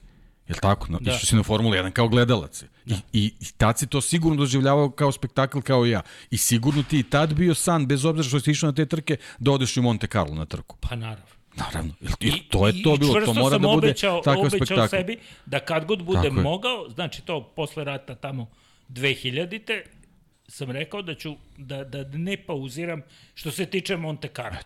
Ne zato što ja sad sam odrastao na Mozart kuglama ili ne znam šta, nego prosto zato što mi se kompletan ambijent dopada. I dopada mi se tamo, nije bitno, potpuno su nebitni ti tamo starlete ili ono, koje, evo, reći će Hasan i, i Andre mogu da potvrde. Pravilo je, fotografišeš pa posle pitaš ko je, jer ne znaš. I, i ne znači, i tu Naomi Campbell kad vidite, što bi rekao moj kolega Martin Sander, ja bih rekao, nemam dinar da ti dam. ali, ali sada, ovaj, je, to je, to je jedna druga priča i oni ne liče. I, i, i, Nema veze. Pa nema, ne moraš ti sve da čuješ. E. E, da, biću, biću, biću pristojniji. Ovaj, ja e, čuo. da ne, Ja kažem, samo da ne da kažemo. Justinu Bieberu, Da. koga bi rado bacio u vodu, ali ono, jer sam vidio neko derište se tamo mota, ali dobro. E, e, to su ljudi koji dolaze i zbog kojih dolaze drugi da se fotografišu, da budu, ej, bio je taj i taj, bio je ovde, sedeo je u tom i tom klubu, oni će da, i oni će da plaćaju 3,5, 4 hiljada eura za padok karte, zato će dovoditi svoje i tako taj, zato se to zove veliki cirkus. Pa da, ali e, ti misliš, Deki, da će biti Zandvort, Belgija i te će tu biti negde manje publike? Zato što je, su trke grupisane. Pa, znaš kako, oni, oni sad imaju, verovatno se pravi kalkulacija na osnovu ovoga o, što imamo o, Maxa Verstappen u Formuli 1. Pa ne, Holandjani idu na sve trke. pa ne samo to, imamo... Oni idu na sve trke, ali, ali vidi šta se desilo s. Nemačkom. Sa Nemačkom posle Schumachera. Nestala je trka. Jednostavno u toj zemlji gde je pre, pre svega Tri ljudi, trke bile. tako je, ljudi, ljudi imaju o, finansijsku moć da mogu da to priušte. Jednostavno im je dosadilo to. Ne, ne može jednostavno tri trke da bude. Evo Srđan zna, pričao o Moto Grand Prix u Španiju kad imamo. Četiri. Četiri trke imamo, one moraju da budu rasturene po kalendaru. Ako, ako ih slože, imali smo sad Portugal i Jerez jednu za drugu. Ne, nisam mislio Nismo tako, mogli da nisam mislio da složiš četiri trke da se vozi u istoj zemlji, Pa- jer, Ne, ne, ne, ne, jer, jer to ali- i nemamo tu Pa da, ali, ali ti kad imaš Benelux, to ti je ko jedna zemlja, mislim, ti si Ne, ali na, ljudi, na ali mislim sat da vremena je- kolima. Ali mislim da govorite vrlo slično zapravo. Deki, ti si sad upravo rekao To ti je kao NASCAR, recimo, ti znaš, mi i gledamo. NASCAR godinama, to je isto, to je grupisanje trka. Jeste, ali to je, Tako je. i to je I Amerika, stalno je puno. ali to je ono što, što Zoki govori. Liberty Media pokušava od Formule 1 napravi američke trke. To nije isto, nisu ista shvatanja trka. Jer tamo, To je- tamo to je muzika problem. svira, Tako je. peko se hot dogovi i, Da. i hamburgeri se prave i, i trka traje po 6-7 sati. Ma da. Ovo treba, Formula 1 je osmišljena kao sprint trka u kojoj e, treba da se sve vidi u sat i po, da se završi i da se zna ko je pobednik. Krv, suze i znoj. Tako je. Da. I ili si na štitu ili ispod, pokojnik ili pobednik. Da. I nema, nema drugo. A onda mi krećemo da pravimo, odnosno novi vlasnici, kreću od toga da prave, ne znam, štedimo, pa ubacujemo zelene tehnologije, pa smo ovo, pa ćemo sada, pra, faktički pravi se um, endurance trka Da. od nečega što Od ne bi nečega što je trebalo. nekad bila perjanica Ne, automobila. ne, nema, vidi, Da. vidi, vidi, vidi, deki ti jedna misao po tom pitanju i svi mi, mi bismo sprint, ja bih da ima 20 motora ili da možeš da repariraš te motore ili šta god i da to pun gas pa da vidimo ljudi ko je tu bolji, to je kraj priče. Troši gore ako hoćeš da trošiš, ajde da vidimo ko je tu najbolji. Dolivanje goriva. Da. zamena Šta god. To su bile god. to su bile trke. Ja znam Dve da to vreme ne može da se vrati, ali rezervni bolidi su bili draž. Ovako ti gubiš gubiš takmičara nekog zbog banalne situacije. Da, mi smo prošle godine ostali bez Leclera u Monte Carlo zbog, zbog banalne situacije. Pa da. Nije imao rezervni bolid, nema. To je Ferrari, ok, ok. Banalna svoje. Ali situacija je čekajte, bila. čekajte, to nas vraća na Ferrari. Ljudi, ne zaključili, smo mi zaključili tu temu. Mi smo prešli na Maxa mislim da jesmo. da smo rekli da, da, da je jesmo. loš vikend bio. Ali, ali to ti kažem, znači nismo odlutali, nego smo odlutali, ali po moru hodimo. Ali vidi, ima to jedna bitna stvar. Znači, apropo Maxa Verstappena, a, nije prošle godine svoju pol poziciju. I a, rekli smo i tada da je to za njega ključna tačka u šampionatu sveta. I da je to moment kada mora da pobedi. Charles Leclerc ga je nadigrao, što je bilo veliko iznenađenje, jer Ferrari nije bio tada ovo što je sada. Verstappen je sada izgubio, a redko gubi protiv klubskog kolege, izgubio je protiv oba Ferrari. Pa nije on, o, o, on je dobio, on je dobio u nedelju. Ne, ne, na, u kvalifikacijama. A onda je dobio, što je za njega o, ne poklon, nego to je, to je spektakl. Ali me dovodi do još jedne teme. Naravno, Ferrari koji sa svojim strategijama radi to što radi, Perez koji je bio hrabar, odvezao sjajno. E, Dve dodatne teme mislim da moramo da ih analiziramo, spajaju se u jednu. Ljudi, Alex Albon, Nikolas Latifi, Max Verstappen preko žute linije, Čeko Perez koji je izgubio kontrolu nad bolidom na trenutak, pitanje je da li je otrpao liniju, čak i Ferrari povukao to pritužbu, to je žalbu, a uložili su žalbu na ono što je uradio Max Verstappen. I sad priča o pravilima i tumačenju istih. Odakle god hoćete da krenemo, možemo da krenemo, ali ja mislim da to su to mnogo važne stvari, pogotovo Alex Albon koji je deo Red Bullovog programa. Pa dobro, mislim, pravilo je jasno da, da se pravila poštoju onda kada to odgovara u funkciji spektakla. Sad zamisli ti situaciju u kojoj kažnjavaš svetskog šampiona i on pada sa trećeg mesta i onda šta bi bilo? Mislim da to ni Leclerc ne bi voleo da, da vidi. Ma koliko mu konveniralo da je ovaj dobio 5 sekundi kasne za, za, za prelazak preko žute linije, koji je bio evidentan. Jeste. I po meni čak i ne slučajan. Da. Jer vidi se u toj situaciji gde je nagib staze takav, ne postoji potreba za kontrom Osim ako nisi pre, pre vremena dao gas. Ako A što nisi si ga dao? nešto, uh, mislim, nekako, neću da, neću da grešim dušu, ali mislim da je Verstappen izveo onaj klasičan, jedan od svojih klasičnih trikova koji ima u, u, u rukavu. Znači, Mali je izuzetno dobar, svestan i, i, i raspolaže mnogo širokim dijapazonom trikova, ali, bože moj, takav je kakav je. Da. Ne bi to prošlo možda, e, pa ja verujem da to recimo Saincu ne bi prošlo. Da, da ne idemo dalje. Ja moram priznati da Perezu u E, situaciju mnogi nisam, spominju- nisam video. Aha.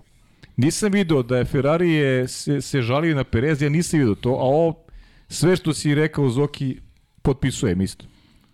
Mislim Da, da, da, mislim da je čak apsolutno. da je čak bilo i namere i to smo mi konstatili u prenosu da da da je nekako smo verovali da će da će Max biti kažnjen za za za tu situaciju i eto. Prosto čak čak nije bilo ni reakcije na istragu. Oni su u jednom momentu obelodanili da je Max pod istragom. Da, i- Mi do kraja trke, do kraja Ništa. direktnog prenosa, mi nismo dobili ni informaciju da to više neće da, Da, se nije da bila se gleda. grafikica pored nije njega. bila gra, ništa nije Pored bilo. imena, da, da. ništa nije bilo, kao da se nije dogodilo, kao da se nije odigralo i čak nije bilo ni nekog objašnjenja dok nismo dobili informaciju da je, da je, da je Ferrari uložio žalbu, a moram priznati da ja makar nisam video da li je šta je uradio Čeko Perez. Ili se Ferrari žalio i na, i na Čeka Ja Perez? nisam video, zaista. I- Isto nisam video. Na, najmanje stvari sam video ali od svih je. Perezu je, izvini, pobegao zadnji kraj kada je dodavao gas, kada izlazi ispred Sainca. I bukvalno mu je pobegao zadnji kraj, ali čak i tu je pitanje da li je zakačio ili ili čak je Ferrari na kraju povukao tu, tu, Da, tu ali žalbu. u, sta, Da, u startu odselo se žali, da. Za, za Maxa Verstappena. Da, Pa ali dobro. pazi, desilo se par stvari. Zašto, sam, zašto, zašto pričamo o FI i pravilima? Ljudi, Uh, Zoki, mislim da si ti opet uh, vrlo direktno sublimirao stvari u jednu rečenicu, po potrebi. I sad, šta se dešava sa tumačenjem ovog pravila? Oni su promenili, inače, sportski kod, kodeks je promenjen ove godine pred početak sezone, da kaže da zapravo ne treba, da nije više pitanje da, da moraš da ostaneš desno od, to jest desno ili levo od linije, već možeš i da je zakačiš, ali ne smeš da pređeš celim točkom, što nikad ranije nije bio slučaj, to je promenjeno pred početak ove sezone. Ali, Znači var uveli. za rečnik je tako promenjen Pa, otprilike, e, bukvalno, e, i sad šta smo još do, dobili? I sad mnogi ljudi spomenju, pa to ti u drugim sportovima, znaš, lopta prešla, nije prešla. Ja se izvinjam, u drugim sportovima kad lopta pređe malo preko linije, ako najđe druga lopta, ne, ne desi se nešto što je potencijalno ima smrtonosni ishod. Tako da postoji razlog zašto je nešto uvedeno. Iz bezbednostnih razloga je uvedeno i to je promenjeno. E sad, i ovo nije, ja ne govorim ni pro ni kontra onoga što je radio Verstappen, nego šta, šta, šta FIA radi. Ti si Zoki malo prelepo rekao, FIA pokušava da upravlja pravilnikom. Ali mi sada dolazimo u sledeću situaciju. Mi smo dobili dva nova direktora trke ove sezone. Što ti kažeš, Masi je otišao u istoriju neslavno, kao najgori direktor svih, pod njegov terminologije, prosto on postao sinonim za lošeg trkačkog direktora. A mi sad imamo direktora trke koji je kopirao, bukvalno je priznao da je uradio copy-paste instrukcija za prošlogodišnju trku iz Monaka, ne uzevši u obzir izmene u pravilniku za 2022. I sad, šta važi? Šta ti odgovara? Ko ima boljeg advokata? Mnogi spominju Jonathana Whitleya, sportskog direktora Red Bulla, kao ključnu osobu u toj celoj priči kao neko koji je opet izveo čudo sa svojim advokatima. Daću ti ponudu. Toga je A da, Red da. Bull je Red Bull je kompletna organizacija i sad je na Ferrari ozbiljan zadatak da u svakom segmentu mora se bori protiv njih, ne samo Upravo na stazi. To. Mora da im parira Tako i, je. i na stazi i van staze. I znači mora da postoji ozbiljna struktura tima kao u Red Bullu. I Verstappen ne može toliko da se on može da priča šta hoće, ali na kraju Verstappen mora da posluša ono što su uh, mu rekli iz boksa. Mm. Ma koliko on bio svetski šampion. Jer on ne bi bio svetski šampion da nije Red Bulla. Tako je. I to je, i to je kraj priče. A u Ferrariju je druga situacija. Oni, oni su skloni improvizacijama, dok je Red Bull drugačije su timovi ustrojeni. I, i mislim da je, da je e, Ferrari mora sam da sredi svoje i mora da uvede, konačno, Kad je Schumacher došao u Ferrari, tada su ispadale poluosovine.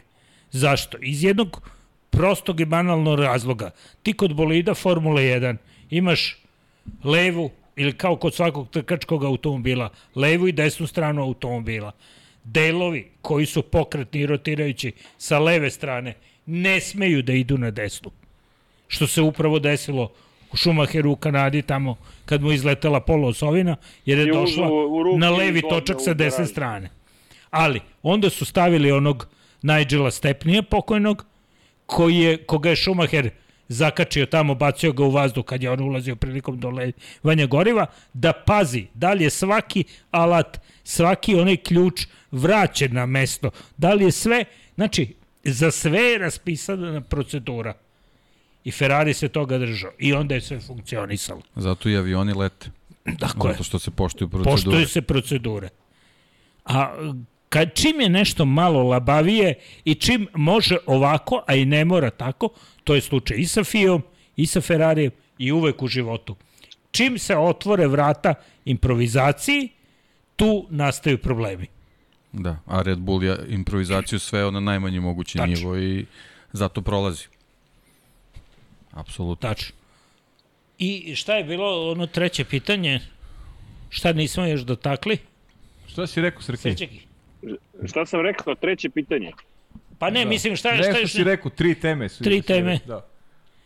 Alex Albon, šta je već? Albon. To, Alex Albon sam rekao, Nikola Latifi, tumačenje pravila, Uh, i, pa i generalno to je to pisanje pravila, to su mi bile tri teme, ali pa, da, album, album, album, album, da. Latifi, album, da. Znaš, ajmo, možemo da album je Latifi, Latifi koji koji, ne, me, ne znam kom je gori, Latifi koji je iza Carlosa Sainca u momentu kada Sainz izlazi, zna da zaostaje za ceo krug i nonšalantno pretiče čoveka koji se bori za pobedu, pri čemu ako Nikola Latifi ne zna da zaostaje ceo krug za Ferrari, dok mu signaliziraju plave LED diode na sve strane i plave zastave i ukoliko on nije svestan da se taj Ferrari bori za pobedu, ja ne znam čega je svestan čovek. I ne, ne verujem u to da nije svestan i da je pa kao brži sam, kao što je bilo predanje Alex Albona. I ja, ja se zaista izvinjam, meni ono neprihvatljivo ponašanje za, za, za stazu. Pogotovo Monako, pogotovo u kontekstu svega što se dešava. I da nije tog konteksta, ti sebe vraćaš u ceo kruga, znaš da ćeš tri krivine kasnije morati da vratiš poziciju imam, ne, ne bi da budem advokat e, Tajlanđaninu, mislim da ima mnogo bolje advokate, svakako, ali ovaj, e, dozvolit ću još jednu konstataciju. Možda nije znao da je konkretno Ovaj, on je video plavu zastavu, ali možda nije mislio da je, da nije znao da je konkretno Sainz. I možda je mislio uh, A, izvini, da je- Albon je zadržavao Leclera, a Latifi je zadržao Sainca, ali vidi, on je video Sainca, on je bio iza Sainca u momentu kada je izašao Sainz. Sainz izlazi i ispred je njega. I ti vidiš Ferrari desno Da. i ti prolaziš. Da, upravo se, ni- nisam video ta, ta, tako doživeo To taj Latifi, moment. to je Latifi To- uradio. Latifi se vratio u krug sa njim. Aha, Da, e, pri, pri verujte, tom ja, ja nisam gledao. širok, ja nisam baš gledao. je komotno mesto da rešiš situaciju. Aha, o, baš, Posle je jako nezgodno. baš kod izlaska iz da, boksa je baš kod situacija. izlaska, da, ja se da, izvinjam, da, da. jer ja Da, trku nisam video, ja sam video jedan delić trke, ono što je bilo ispred mene i neke a- fragmente, a, ovo Albon- ni... Albon si u pravu, Albon je, Albon je kasnije dočekao Leclera.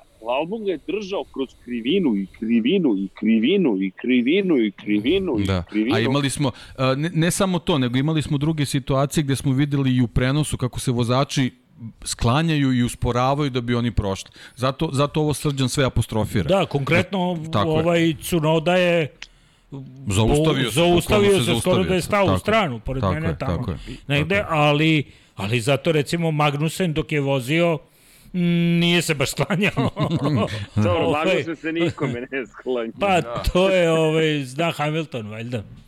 Ovaj, mislim da, da bi trebali da se dotaknemo i te priče o Mercedesu, pošto... O, ne, ne, hoćemo, hoćemo. Pa, Ne, dobro, da priješ. Night samo, is young. Samo... Kako? Da. Pa rekao, noć je još mlada, ono, young. Da. A vidi, došao si u Lab 76, znaš kako to ide. To je srđanova Nisi, nisi specijalnost. dugo bio, da. Nisam dugo bio. Posebno ove, ove noćni izlasci po Nici. To, to, tako, Kanu. Monaku. Dobro, sad, tako. ajde, ajde samo ovako jedno pitanje, e, da otkrimo, a gde si ti između Nice i Kana, gde ti aerodrom kad vidimo Ja- i avione? Ma kakav aerodrom, to me prozivaju, mi smo kombijem. Ovaj, e, ja, mi Pa ne, ne, ne, ali gde si sada lociran? A, konkretno, iza mene je Nica, aerodrom Nice, tako da je tamo na onu stranu je Monako. Tako da sam negdje između Nice i Monaka. Možda prođeš kombijem stazu, znaš. Vidi, mogu, mogu. Da vidiš, da vidiš gde je, gde je Latifi zadržavao Sainz. To smo već prošli. Pa da, ali ljudi, koji je, koji je zaključak? E, Šta se sad dešava? Evo, moje pitanje, ajde, vrlo konkretno za plave zastave. E, Doći ćemo na Mercedes. Ima tu puno da se priča. Hamilton koji je ujehao u stilu. Čovjek je došao na privatno jahti i otišao na privatno jahti. Jedini ko je doneo Pa- taj do tu dozu, ajde kažeš, starog glamura, mada i Red Bull šta napravi uvek u Monaku, to je ogromno. E, ali samo jedna stvar, šta sada sa Latifijem i Albonom? Plave zastave, baš te briga, možeš i da ignorišeš, nema veze. Pa vidiš da nema reakcije. Šta, mislim, Pa- iza Latifija... Šta bi mogla direkcija da- trke trebala tako je, da... to- to je trebalo je- To je njihov posao. Ali kako da ih kaziš, te njih dvojicu koji su Pa, zakucani na... diskvalifikacija, daj im crnu Disko, zastavu. pa je, jedino Ne znam, Ali znaš šta znaš, tu o- treba da bude? Tu treba da bude neka novčana globa timu, da ne bude samo... je. toga. Znaš, Tako na, na, najviše, da boli, najviše boli kad udariš po džepu, to je, to je jedino... Tako je. Je, jedino je to kazna. A ovako, znaš, šta ima Carlos Sainz od diskvalifikacije Latifi? Pa ne znam, ono da bude penalizacija ko kad pređe, ne znam, svaki kilometar ti je hiljadu dolara, uh, kad prekoračiš brzinu u boksu, pa onda recimo pokrivina neka bude po 10.000. Da, pa ne, pošto Pa imaju da. sad te elektronske LED, LED zastave, one, Da. to, to bukvalno može se poveže s jednim softverom, znači bukvalno da imaš neko očitavanje koliko puta je dobio zastavu, svi oni imaju transpondere, koliko puta si prošao pored prave zastave, to je kako, hiljadu Obračuna se na evro. kraju Lako trke. se obračuna sad, sad bar oni, oni imaju te sofisticirane sisteme, do 10.000. duše ne radi im ovaj na startu po neke trke, Pa da. ali dobro, mogu, Dešava mogu da naprave da funkcioniše, tako Dobro. je. Eto, Tako je. mislim, to, to možda... Evo još jedna inovacija da unučimo, Da. vidiš. To, da, samo Hla- sipamo. Zapiši ovo, neki moment. Da. Ja ne mogu više, sam zaboravio šta sam sve rekao, da. Bilo je, je dosta. A, Plava ali- zastava. Ali Kaži. dobro. Ne, ne, samo sam E, rekao, Pravila su i jasna za, za, za, za plave zastave, kako treba da se ponaša. Ako nije, sumnjam da to nije rečeno i na briefingu. Međutim, izgleda da FIA ima važnije posla, da li Hamilton ima nakit ili ne i da li je obuko do, kakav donji da. veš i, i to. Izgleda da su to trenutno važnije teme. Pa sad onda, ako Da, je da. tako, Dobro, i mislim da, Da. da Hamilton, e, čudi me da je, mada i razumem, nije hteo sigurno ovde u Monaku, sigurno će podgrejati tu atmosferu, stavit će još malo A, nakita. bio je ozbiljan diplomata u izjavama ovaj, posle trke. To mi je baš onako Da. da. bilo čudno ovaj, što se njega tiče. I kontakt Pa sa mislim- Okonom i zadržavanje Alonsa, Alonsa. da. Potpuno je bio okej. Kad Pitanje za Alonsa kao zadržavanje, to sve, ne kao nemam problem, to je Monte Carlo, sve u redu. Za Okon je rekao, pa ne znam, kaže, nisam primetio, to je trkački incident. Baš mi je onako jako čudan Da, bio. Da, ovaj, svestan, baš je, svestan baš je gde je ove bio, sezone. da. Mislim da je on savršeno postao svestan da. gde je ove sezone. Ne, on je, on je uh, svestan i sve što je pokušao, mislim da je od ove trke on drastično promenio pristup. Jer uh, Mercedes je kad si loš i kad si spor, ti e, ne smeš mnogo parametara da izmeriš na, na bolidu, jer posle toga ne znaš, promenio sam to, to, Tako to, je, to i to, je, i ne znaš zašto si brz, a zašto si spor. I onda je Mercedes krenuo podeljenom strategijom, jedan bolid ćemo menjati to, kod drugog ćemo da. menjati to. Ispostavilo se da je bolid već kod same konstrukcije više odgovara mekanom Russellovom stilu vožnje. Hamilton je na forsu ide da forsira mnogo Tako je, on je mnogo je guma, agresivniji Pa nema šta, da. i, i, i, Tako i u je. svemu i on je pravi, pravi agresivniji trkač i njemu takav bolid ne odgovara I plus na sve to rezultata nema i on uporno pokušava, jer mu to instinkt nalaže da vozi brže, a rezultati su posledično sve gore. I to je, to, je- to je priča sa Hamiltonom. Nije on zaboravio da vozi. I kad se usklade stvari, neće imati problema da pobedi Rasela. Još uvek. Da, to je ono što Mada je Paja rekao, izvini. Raselovi rezultati fenomenalni. I da. Znači, dođe velika scena, čim se sklope stvari i bude bitno i budu mogli da se bore za pobede, zna se ko je tu glavni. Naravno. To je isto, stalno ponavljamo. Leclerc Sainz, jasno je. Pa kao što je jasno i kod Veštapena i Pereza isto. To, to su Pa, te priče, vrlo jasno složio definisane. Je- Jedino gde nije jasno je u Ferrariju. A inače i u McLarenu je jasno, imate Landa Norrisa koji se bolje snalazi i ne zna. On čak dečko ni ne zna zašto mu više odgovara nego, ne, nego Ricardo, a Ricardo ne može da se snađe u ovom bolidu McLarena i to je zajdilo i u razgovoru kad su potvrdio, ali e, neće tu biti drastičnih, možda će oni u pola sezona objaviti da neće produžiti ugovor sa njim, da. ali Ali to nije spektakl nikakav. nikakav spektakl. Nije, I ja verujem, možda Ricardo i neće naći angažman, ali mislim da bi bila šteta. Da Formula 1 izgubi takvog vozača, ali opet A s druge strane, zaista je mnogo sporiji od, od Landa Norrisa. Čak i ovakvog Landa, bolesnog, da. sa upolom krenika, da. Da. da, da, mu, da mu takvu razliku pravi, da se on dečko evidentno se vidi nje- na njemu da je iscrpljen, da je loše i opet pobeđuje s takvom razlikom, ja stvarno da. I razmišljao bih da sam u McLarenu o tome šta uraditi sa Ricardom, koliko god da ga mi negde i simpatišemo i odličan Da. je vozač i, i on je neko ko svojim harizmom i daje neki, neki štof dodatni Formuli 1, ali prosto na stazi nije primetljivo ove godine. I sad ja sam i u prenosu rekao, ako nešto ne promeni u svoju korist do kraja jula meseca, u ovih preostalih šest trka koliko je ostalo, pa ne preostaje McLaren ništa drugo nego da vidi. I, I ono što je zabrinjavajuće po njega što je Zek Brown izjavio da postoje klauzule koji saradnju mogu da prekinu. Baš je onako decidirano Da. u tome da, da, da se potencira. Možda je to i neka vrsta pritiska Zeka Browna na, na Daniela Ricarda. Možda je to neka igra koju koja bi trebala da stimuliše dodatno Australijanca. Ja ne znam. Možda je dobro, to poslednja šansa, s- pa je. Može, Pa to jeste, ali znaš kako, ti kad nekako pogledaš kompletnu strategiju McLarena, Daniel Ricardo se tu ne uklapa, on je već veteran. Pa da. Znači, Jeste, i to je tačno.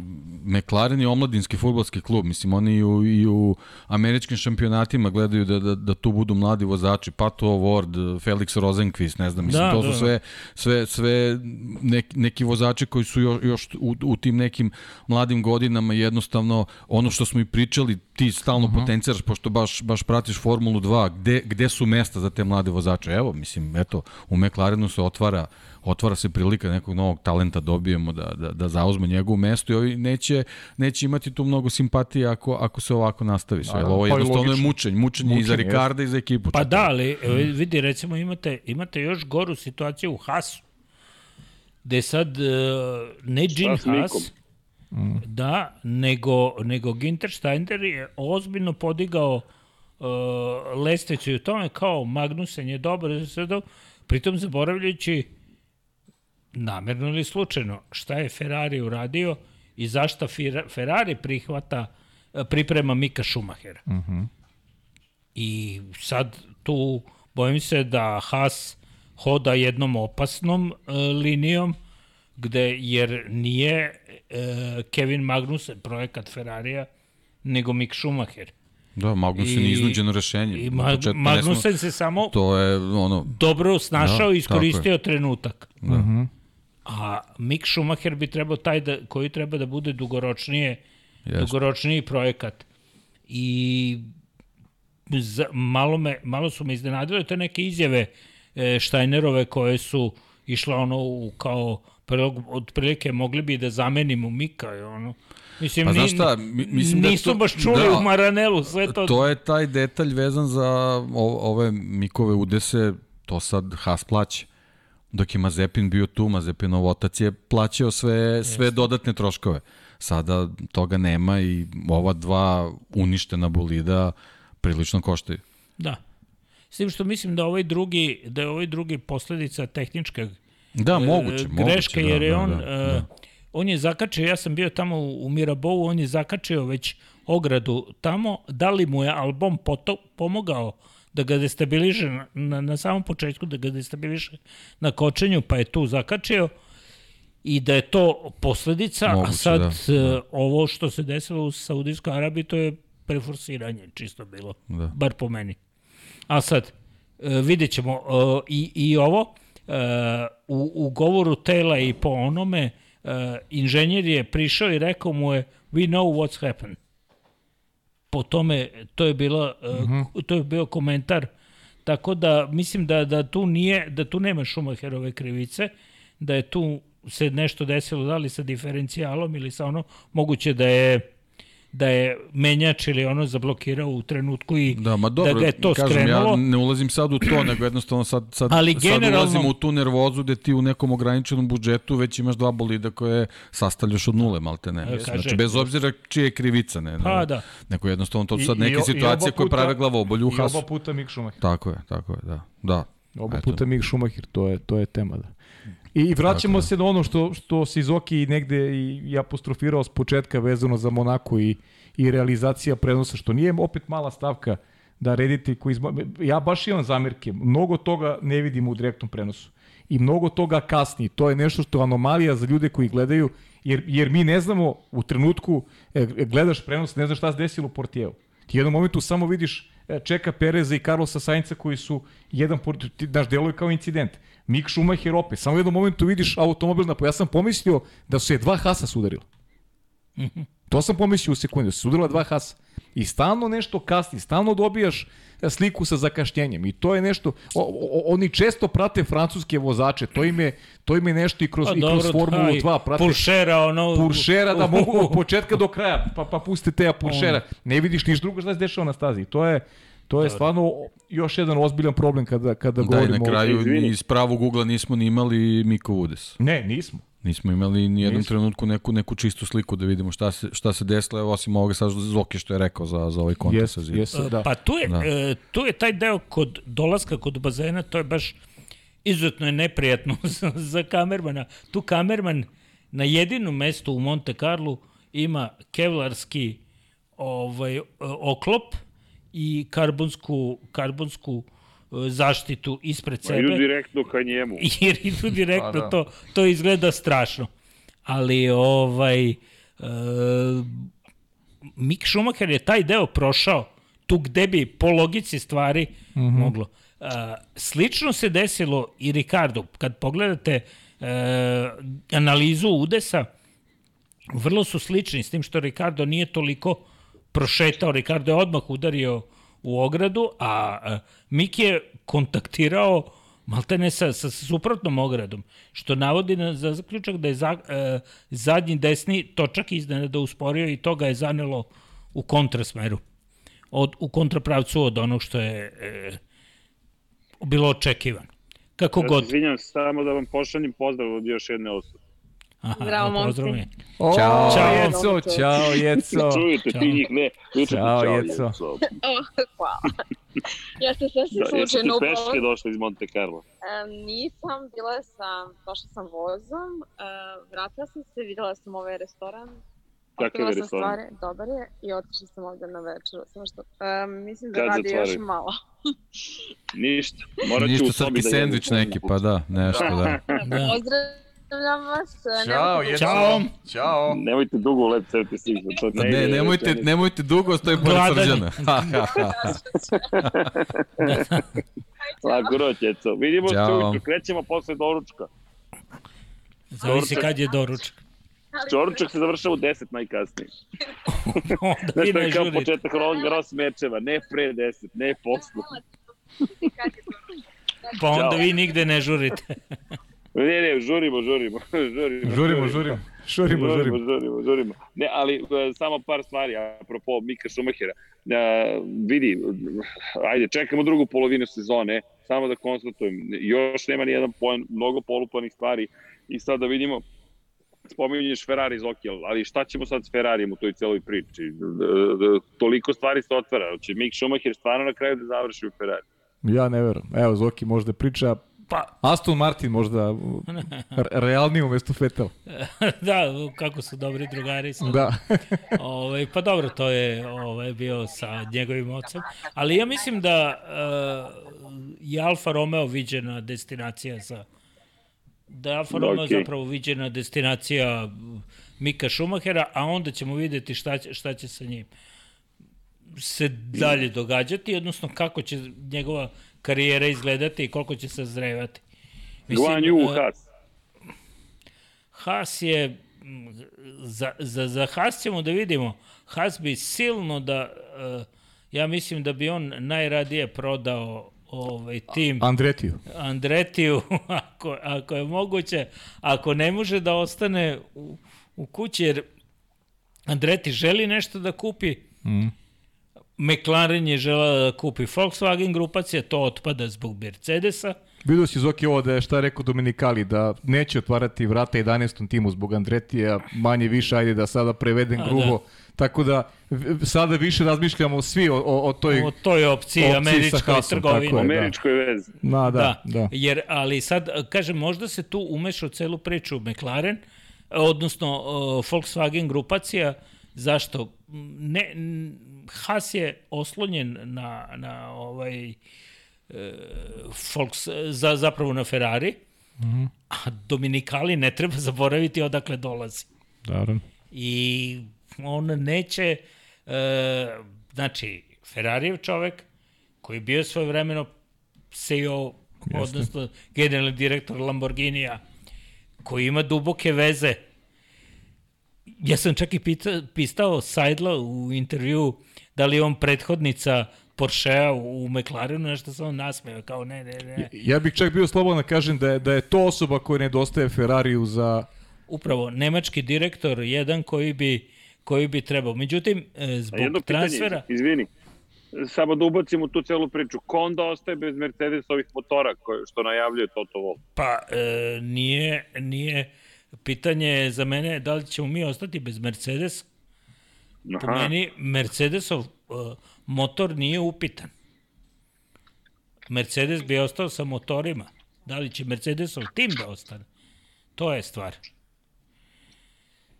Jer mm, McLaren Mercedes je viđena kombinacija već. To, po, to je postojalo i funkcionisalo kroz istoriju. E sad, da li će se tako uprazniti mesto za, uh, za, neki, za neki tim? To otvara jedno drugo razmišljanje. Jer, e, gledaj, e, šta će, e, e, kome najviše ne odgovara ulazak Porschea u, u, u Formulu 1? Pa kad Red tako mi Bull. namestiš meč, loptu, to Mercedes, Ne. Red Bull. ne. Pa Red, Red Bull. Bull postaje, Red Bull postaje drugi tim u tom slučaju. Red Re- Bull, ne, evo ti moje predviđanje, koliko god svi osporavali, to Red Bull Power Trains su ti kažeš prelazno rešenje. Iako Red Bull tvrdi mi od 2026. počinjamo pravimo svoje motore. Ja vam ljudi kažem, Red Bull, Honda ostaje. Pa Honda ne, ne, sa ovakvom strukturom Hondinom hoću, neću, izaći ću, ući ću, izaći ću, ući ću. Oni su svaki Ja- put kada su trebali da osvoje Ja da šampionsku oni titulu taj. napuštali. Ja, ja, Ja ne znam, da bolje, taj. bolje da su svi tamo u Sakuri i da, da su izvršili harakiri kom, kompletno ovaj rukovodstvo, jer ne znam šta, šta bi rekao Vidi, u oni su HRC, oni su uveli Formulu 1 u HRC. a HRC je po- potpis stabilnosti u Hondi. Ti si nju to u, u, u guru tvoju Hondu ili trkačku korporaciju. Ti si to guru u MotoGP. A mada tamo je tek pitanje šta će biti sa Hondom. Ja iskreno mislim da će Honda tu do, de facto ostane. I da će u jednom trenutku reći, e pa sad prošao je period kada smo bili pa Red Bull Power Train, za pošto se nigde nisu suštinski ni mrdnuli, samo će kažu vraćamo Hondin beč. Moje mišljenje. Jer slažem se s tobom, mislim da će to da bude vrlo čudno. Zapravo ne znam, ne znam li koja je strategija ulaska i Porschea i Audi. Šta će da uradi Porsche grupacija? Će podeli to? Kako će to da Pa- rešava? Da, Volkswagen grupacija. I, i dele, i, ideja je neka bila kao davnih dana, još da sve bude tamo u dolini oko Bolonje, e, namešteno i da Lamborghini bude taj koji ulazi u Le Mans seriju, da Ducati bude dominantan u MotoGP-u, da e, Porsche bude u Formuli 1, da Audi preuzme totalno primat u VRC-u, a u, u, ne u, u VTCC-u, u V, v e, trkama izdržljivosti. Okej. isto, U vecu. A, da, a vecu. A, a ovaj da i, i paralelno da vuku DDM seriju, a da sve na kraju bude e, začinjeno time što bi u svetskom rally šampionatu bio Volkswagen. E sad, Dieselgate je zamešao karte, pa je onda došla ova pandemija, pa onda sve, sve, sve to poremetilo. Na kraju ostalo je da u Formulu 1 ne, mog, ne može da bude 11 timova, da u Formulu 1 ne može da bude 11 timova, da, da mora da se nađe mesto da McLaren nije opcija, zato što je sarađivao dugo sa Mercedesom i da bi prosto došlo do odlivanja nekih tajni koje nijedan proizvođač ne želi da odu u direktno suparnički tabor. Tako da ovom ostaje e, jedino, jedina opcija, Red Bull koji žarko želi da sarađuje sa Porscheom, ali e, Porsche, makoliko, makoliko to e, ipak je suviše veliki da bi, da bi sad bio podređen jednom proizvođaču energetskih pića. I mislim da će Porsche tražiti izlaz u, u, u, u kupovini nekog tima. Dobro. Dobro. Onda smo mi kupovina, a Williams i tako dalje, Jost Capito, kombinacije, ma na kraju ima da bude baš čud zanimljivo. Ali ja mislim da da je Deki pogodio čega, i šta, čega treba da se pribojavamo i u MotoGP i u Formula 1, to je DTM-izacija cele situacije. Ali dobro. To je još gora situacija. To je, da. To, to je ono što, što se nikome ne može dopasti. Da, inače imam pitanje još jedno vezano za prenose, pošto ste rekli, uglavnom prate francuske vozače. Jednog vozača nisu isprtili u 18. krugu, kad je Esteban Okon rešio da dva, jednom udari, jednom zatvori prolaz u krivini broj 1 sa Hamiltonom i drugi put da baš, ako može, ugura u zid Luisa Hamiltona.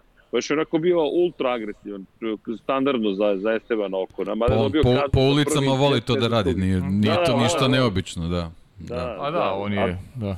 Možda ti A nije periferni vid mu nije, Možda nije si ti baš... zaboravio ovaj Azerbejdžan šta je bilo. Da, da, pa pe, I, i, i četvrta zaboravljamo, i dobro, i, i jedan francuski vozač I je malo si, zaslužio... i Singapur i Azerbejdžan, da. svašta je to bilo. Jedan francuski vozač je zaslužio da bude da ima pažnju s obzirom da smo prošle godine imali samo jedno preticanje u Monte Carlo, a A, jedan Pierre Francuz je imao, imao dva u prvih 20 krugova, tako da... Imao je 6,2. Pa be, imao je dva u 20 krugova, znači više je bilo preticanje nego prošle godine. Mi pričamo ove godine da. Znaš, imali smo i tu neku taktičku zavrzlamu, tu glupost Ferrarija, imali smo eto malo preticanja, pa od Monaka nikad i ne očekujemo preticanje, nego upravo to, taktičku borbu, u neku Da, ruku trka, trka i izdržljivosti po onim džombama. Pa, da, Re, rekao je da. Alonso da je Da. čak da je čak podloga i John Bastija nego ranije godine, da, da, je, da je takav utisak imao. Još kad imaš kišu prvi- pa, pa su, suvi je. trag kojeg ne smeš da se, da se skloniš. Bukvalno. Videli smo Joe kako se čupao. Tako je. Tako da, Da. sve, sve su to neki ograničavajući faktori bili da imaš znači, od, od veličine bolida, kiše, Jest. suvih tragova, guma. Nama, nama je sa samo- strane možda bilo malo dosadno, ali, ali vozači uživaju u ambijentu Monte Carlo i za njih je to veliki izazov, jer je, Naravno. znaš, nikad ne očekuješ tamo preticanje. Znaš da gledaš trku u kojoj neće biti preticanje, nego samo pritisak, pritisak, pritiskaš vozača ispred sebe, teraš na- ga na u grešku. kvalifikacijama Tako i je, to- to je to. I tu nema... To je Monte. Carlo. I, I drugo, da se vratimo na, na, na taj moment kiše, početak starta odlaganja. Uh Mhm. -huh. e, jedno je, e, da li je trebao, trebao je po meni da bude e, start iz mesta, Tako je. jer ako oni ne znaju da startuju iz mesta, onda ne treba da su tu. Tako je. E sad, cost cut, odnosno smanjenje troškova, nalaže da se izbegne jedan sudar 5-6 automobila, koji je vrlo verovatan. Znači, dovoljno je da neko samo malo zgazi po mm -hmm. beloj liniji i eto ga u drugom, drugi, treći bilijar efekat i svi idu u kapelu u Sandevelu. Da. Tamo. Tamo ih slažu, parkiraju. Tamo to je i, i tu je trka Gotora, šteta je verovatno nekoliko miliona, to je, to je onaj deo što... Kaže, meni samo smeta, uopšte ne ulazim u to na način E na koji je trebalo da startuje. Meni samo smeta što nije počela na vreme. To mi je ono što to je, stvarno... to je neshvatljivo. E sad neshvatljivo. oni su kao hteli da, da ono, i tu se očekivala, ja sam uh, bio vredan, pa sam to, uh, zapravo, bio sam izuzetno ljubopitljiv, uh, pa sam snimio situaciju uh, na meteorološkom, na, na radaru. I ovde smo imali, sad ne znam ovako, ako u ovu kameru, evo, Mhm. da, Malo ka sebi da izoštri, malo ka sebi. Još malo, samo da izoštri. E, to je to. To je to. A, tu se vidi ovim dva oblačna sistema. Jedan koji je formiran u Dženovskom zalivu i ovi starosedioci kažu da kiša u Monaku uvek dolazi sa istoka iz Dženovskog zaliva. A ovaj drugi oblačni sistem koji nas nije zakačio, ali je bio mnogo i izrazitiji i mnogo jači.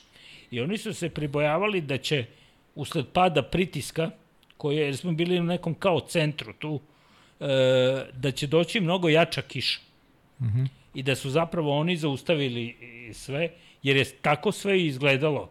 Uh, jedan ciklon ide u, u jednu stranu, kako da kaže vetrovi, drugi u drugu i da bi tu nastao sa, sa vetrovima, a vozači su već imali, vetar se izuzetno pojačao u tim uh, momentima kada je počinjala kiša i temperatura je rapidno padala. Znači, ona je u roku od nekih desetak e, minuta pala za, za, za ja ne znam, jedno desetak stepeni. Tako da je e, taj, taj prelaz bio veliki i ja mislim da su se oni, što se tiče toga, e, mogu donekle da, da opravdam.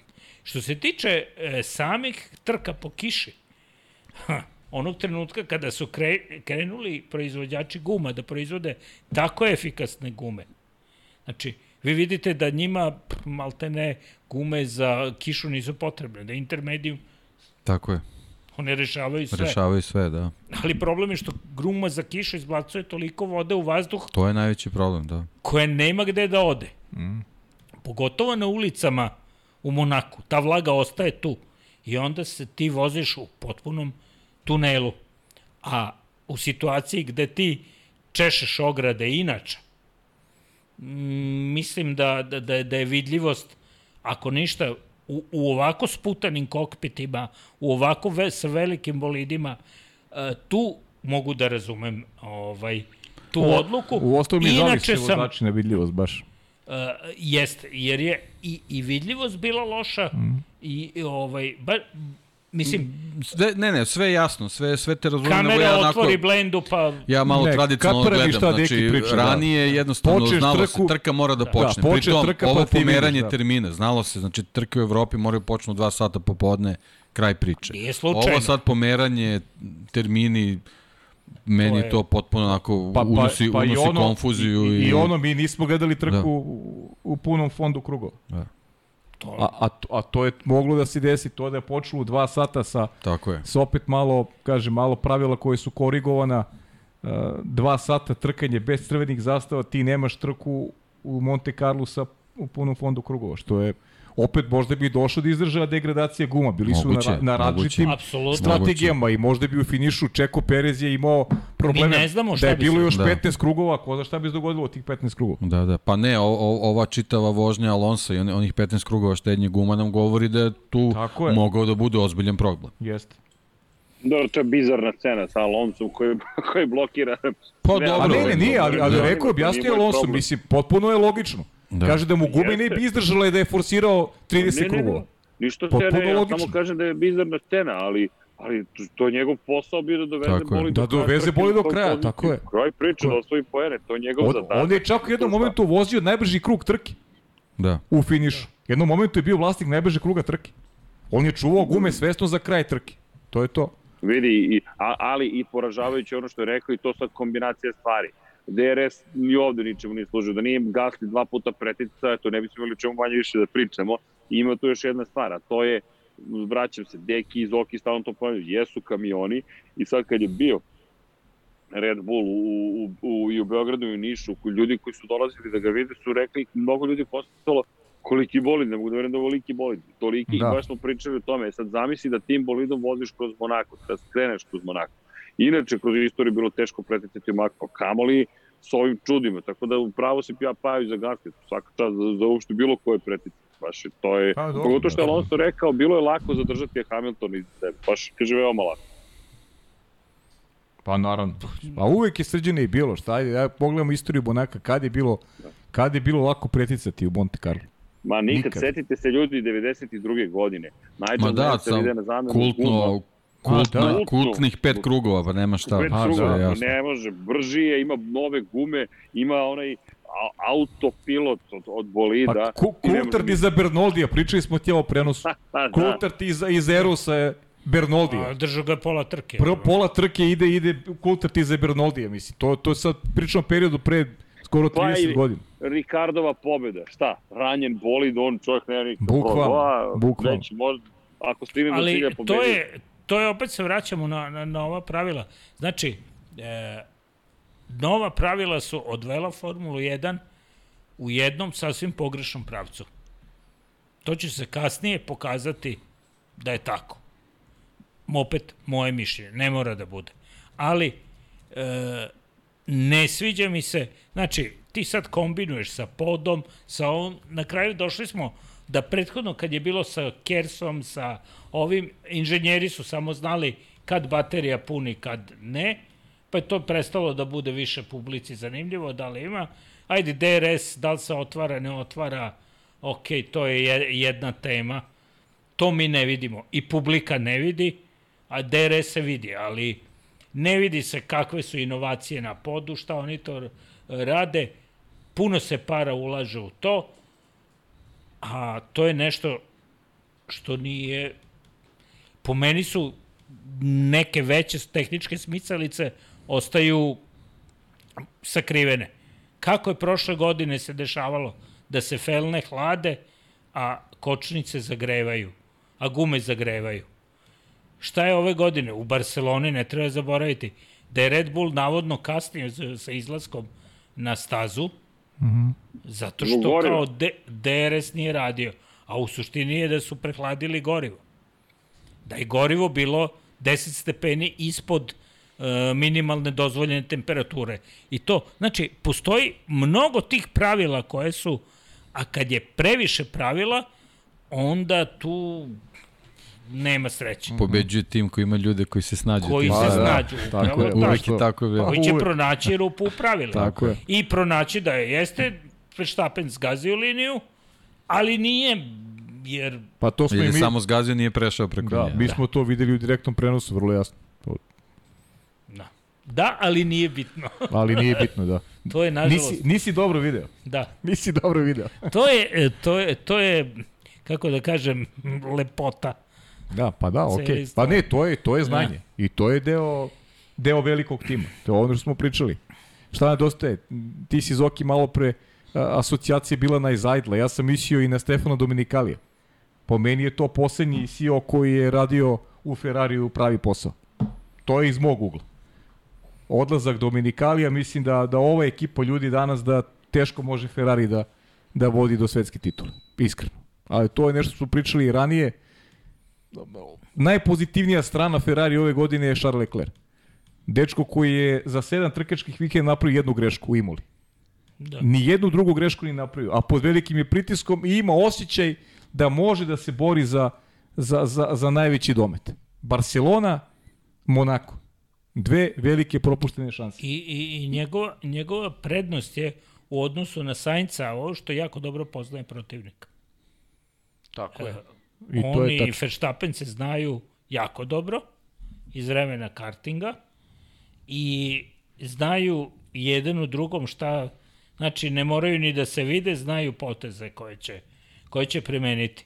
I verovatno da je, sad da, da, da, šta bi bilo kad bi bilo, e, da je prošle godine na mestu Hamiltona bio Leclerc, mi bi imali udes, sigurno, tamo u Abu Dhabiju. Jer Leclerc se ne bi sklonio. A Hamilton se sklonio, pa kao čekat ću priliku da, da probam da uzvratim. Ja smem da potpišem da se Leclerc ne bi sklonio. I, Možda i saznamo do kraja godine. I to sam Pa- baš tađeni teo kažem. Upravo to sam ja hteo da kažem, da, i sada e, do, došli smo u, situ. Da, da. u situaciju da je Verstappen sada vodeći i da e, Leclerc sada e, mora da, da, da prati. Propustio je šansu da bude agresivan onda kada je, kada je mogao i kada je trebao, ali je bio vrlo korektan. I to je kapa dole za, za, za to ponašanje. Međutim, još je rana faza Da, sezone. moraju da čuvaju priključak do Monce. Jeste. To im je sad ključno. Da, a mislim Znam da ljudi, će, ali mislim da će u Baku Red Bull da ima Da. prednost objektivnu kao što je Ferrari imao ovde pa je nije iskoristio. Mislim da će Red Bull imati objektivnu prednost u, u, u Baku u narodnoj trci. Tako da Ljudi, mislim- ali lepo se pa rekao, pazi, u Barceloni ti otkaže motor. Ovde ti ekipa napravi lošu strategiju i, i, i raspršen je san u tome da je Ferrari ušao u sezonu kao najbolji tim. Da. Posle sedam trka, O, pet o, ovoga pobjeda više boli. O, ovoga više boli sigurno. Da, ovo, ovo, Pred ovo domaćom pazi, publikom imaš sve i ovako ekipa promaši. To je užas. Prvi put je psovao i to ekipu i prvi put, i što kaže Doki je super sa ovim suzdržao, ali mislim da ti savršeno pisao. Lecler je Ja, bio znaš savršen, bio imam? je Izvini što te, izvini što te imam. reci. Da nije bilo crvenih zastava. Ja čak mislim da Da. možda Leclerc ne bi ni završio trku. Jer je njemu dobro došlo da smiri malo... E, a vidio si ga kakav je bio kad izašao iz bolide? Be- I njemu je pušio. prijela, njemu je ta pauza prijela. Da se primiri, drugačijeg Da je već stava, već se drugačijeg stava resetovao se, drugačijeg se stava vratio u bolid. Pitanje je Jeste, on šta je je bilo da onako, on je bio, on je, on je, on je poludeo, žargonski reč, on je, on je stvarno e, izgubio je svaki kontakt sa realnim, jer, jer je ekipa ga je uništila. I bio je svestan da kroz trku ne može da dokne pozicije. Smirio se, reset mu je prijalo, završio je trku u četvrto mesto, ko zna šta je bilo da je ostao na stasi. Slično ono kad je Ricardo došao u boks, a nije bilo guma. Da. Pa da, ko što Liga Bukvalno. pobjede. Bukvalno. Ali ovo je još gore, Ricardo se nije borio za titulu. Ova trka Ovo može da odluči sad- šampiona sutra. No, ova i e, prethodna. Znaš, ali to, to, to može da kaže i prethodna, Pa može- a onda možemo povuku kažemo i za Imolu. Imolu, e, da, znaš, da, da, da. e, Jer, jer im, bilo, je tu, bilo je tu grešaka. Ono što je simptomatično jeste da Red Bull manje greši, odnosno Verstappen manje greši. Naravno. Da, i imaju, imaju tu stepenicu više, osvojili su titulu. Jeste. Tu su rasterećeni, a ovo sad sa, sa Šarlom je situacija koja je onako baš napita. Napeta jer dugo Da. se čeka, oni su sami sebe doveli u taj pritisak, pa su postavili Leclera na, ta, na taj e, u- pritisak, stavili ga pod veliki pritisak. Pitanje je koliko će on još dugo moći da se sa, sa svim tim nosi efikasno, pogotovo ako ekipa nije u stanju je. da to isprati. A pritom na sve to imamo ovu priču koja je Max Verstappen kad završava trke, on ih završava na podijum. Da, i gde, Tu- i- tu i gde nema- mu, tu nema I greške. gde mu Carlos Sainz diše za vratom. Da. I to je. Jer zna se da Leclerc ne donosi toliko sredstava kao ovaj. Tako je. Tako da d- mada to, to se znalo od samog početka da će Sainz tražiti svoje parče kolača. Mislim, sad... Da, traži, ali kažem, opet ekipa, to je ono što si Zoki jako lepo definisao. Kad ti nemaš neko ko je autoritet i koji će da kaže, ljudi, stvari su postavljene ovako i onako, mi težimo ove godine cilju koji se zove titula, to može da nam osvoji Charles Leclerc. I mi pomožemo Charles Leclercu. Carlos Sainz i ponaša kao neko ko ne želi da prihvati da je vozač broj 2. To se videlo i sad, to se vidi i po njegovim izjavama. On je opet delovao na, na konferenciji onoj improvizovanoj posle trke da je, da je razočaran što je drugi. I on je pričao o tome kako je dobro odlučio, što nije izašao, on je za sebe bio, vidi se po njemu da on jednostavno ne prihvata Charles pa Leclerc kao, i, da, kao vozača taj stav, ne prihvata. Taj stav raste sa iz trke u trku iz kojih se vidi da, da Leclerova situacija nije savršena. Tako je. Možda u onom trenutku kad se desila na Australija i ono sve možda je, možda je Stanic u tom trenutku mogao da koriguje svoj stav. Uh mhm. -huh. Ali već posle toga Leclerova situacija nije nije u svakoj trci dobra i on jednostavno na osnovu toga Osjeća. možda osjeća i gradi, gradi svoju situaciju na nekim realnijim osnovama. Na, na šta me zanima u sezoni, ljudi? Strašno me zanima moment, a, imamo Leklera koji sada zostaje, odnosno Verstappen, ide, idemo sad recimo u Baku. I ajmo da postavimo stvari, Sainz se vodi u trci, Charles Leclerc je drugi. Šta radi Ferrari u toj situaciji? Ba dobro, da, to je... Da, da li će se dogoditi da, da ekipa kaže Saincu naš interes je to i to, mora, jer ako tu dozvole Saincu pobedi, mislim da nemamo više priču oko toga da Ferrari ima jasan plan, da tu postoji podela, da, da oni znaju kako da se, po, ili smeju da. da se postave na taj način, a verujem da ćemo to spoznati jednom momenta sezone. Tačno.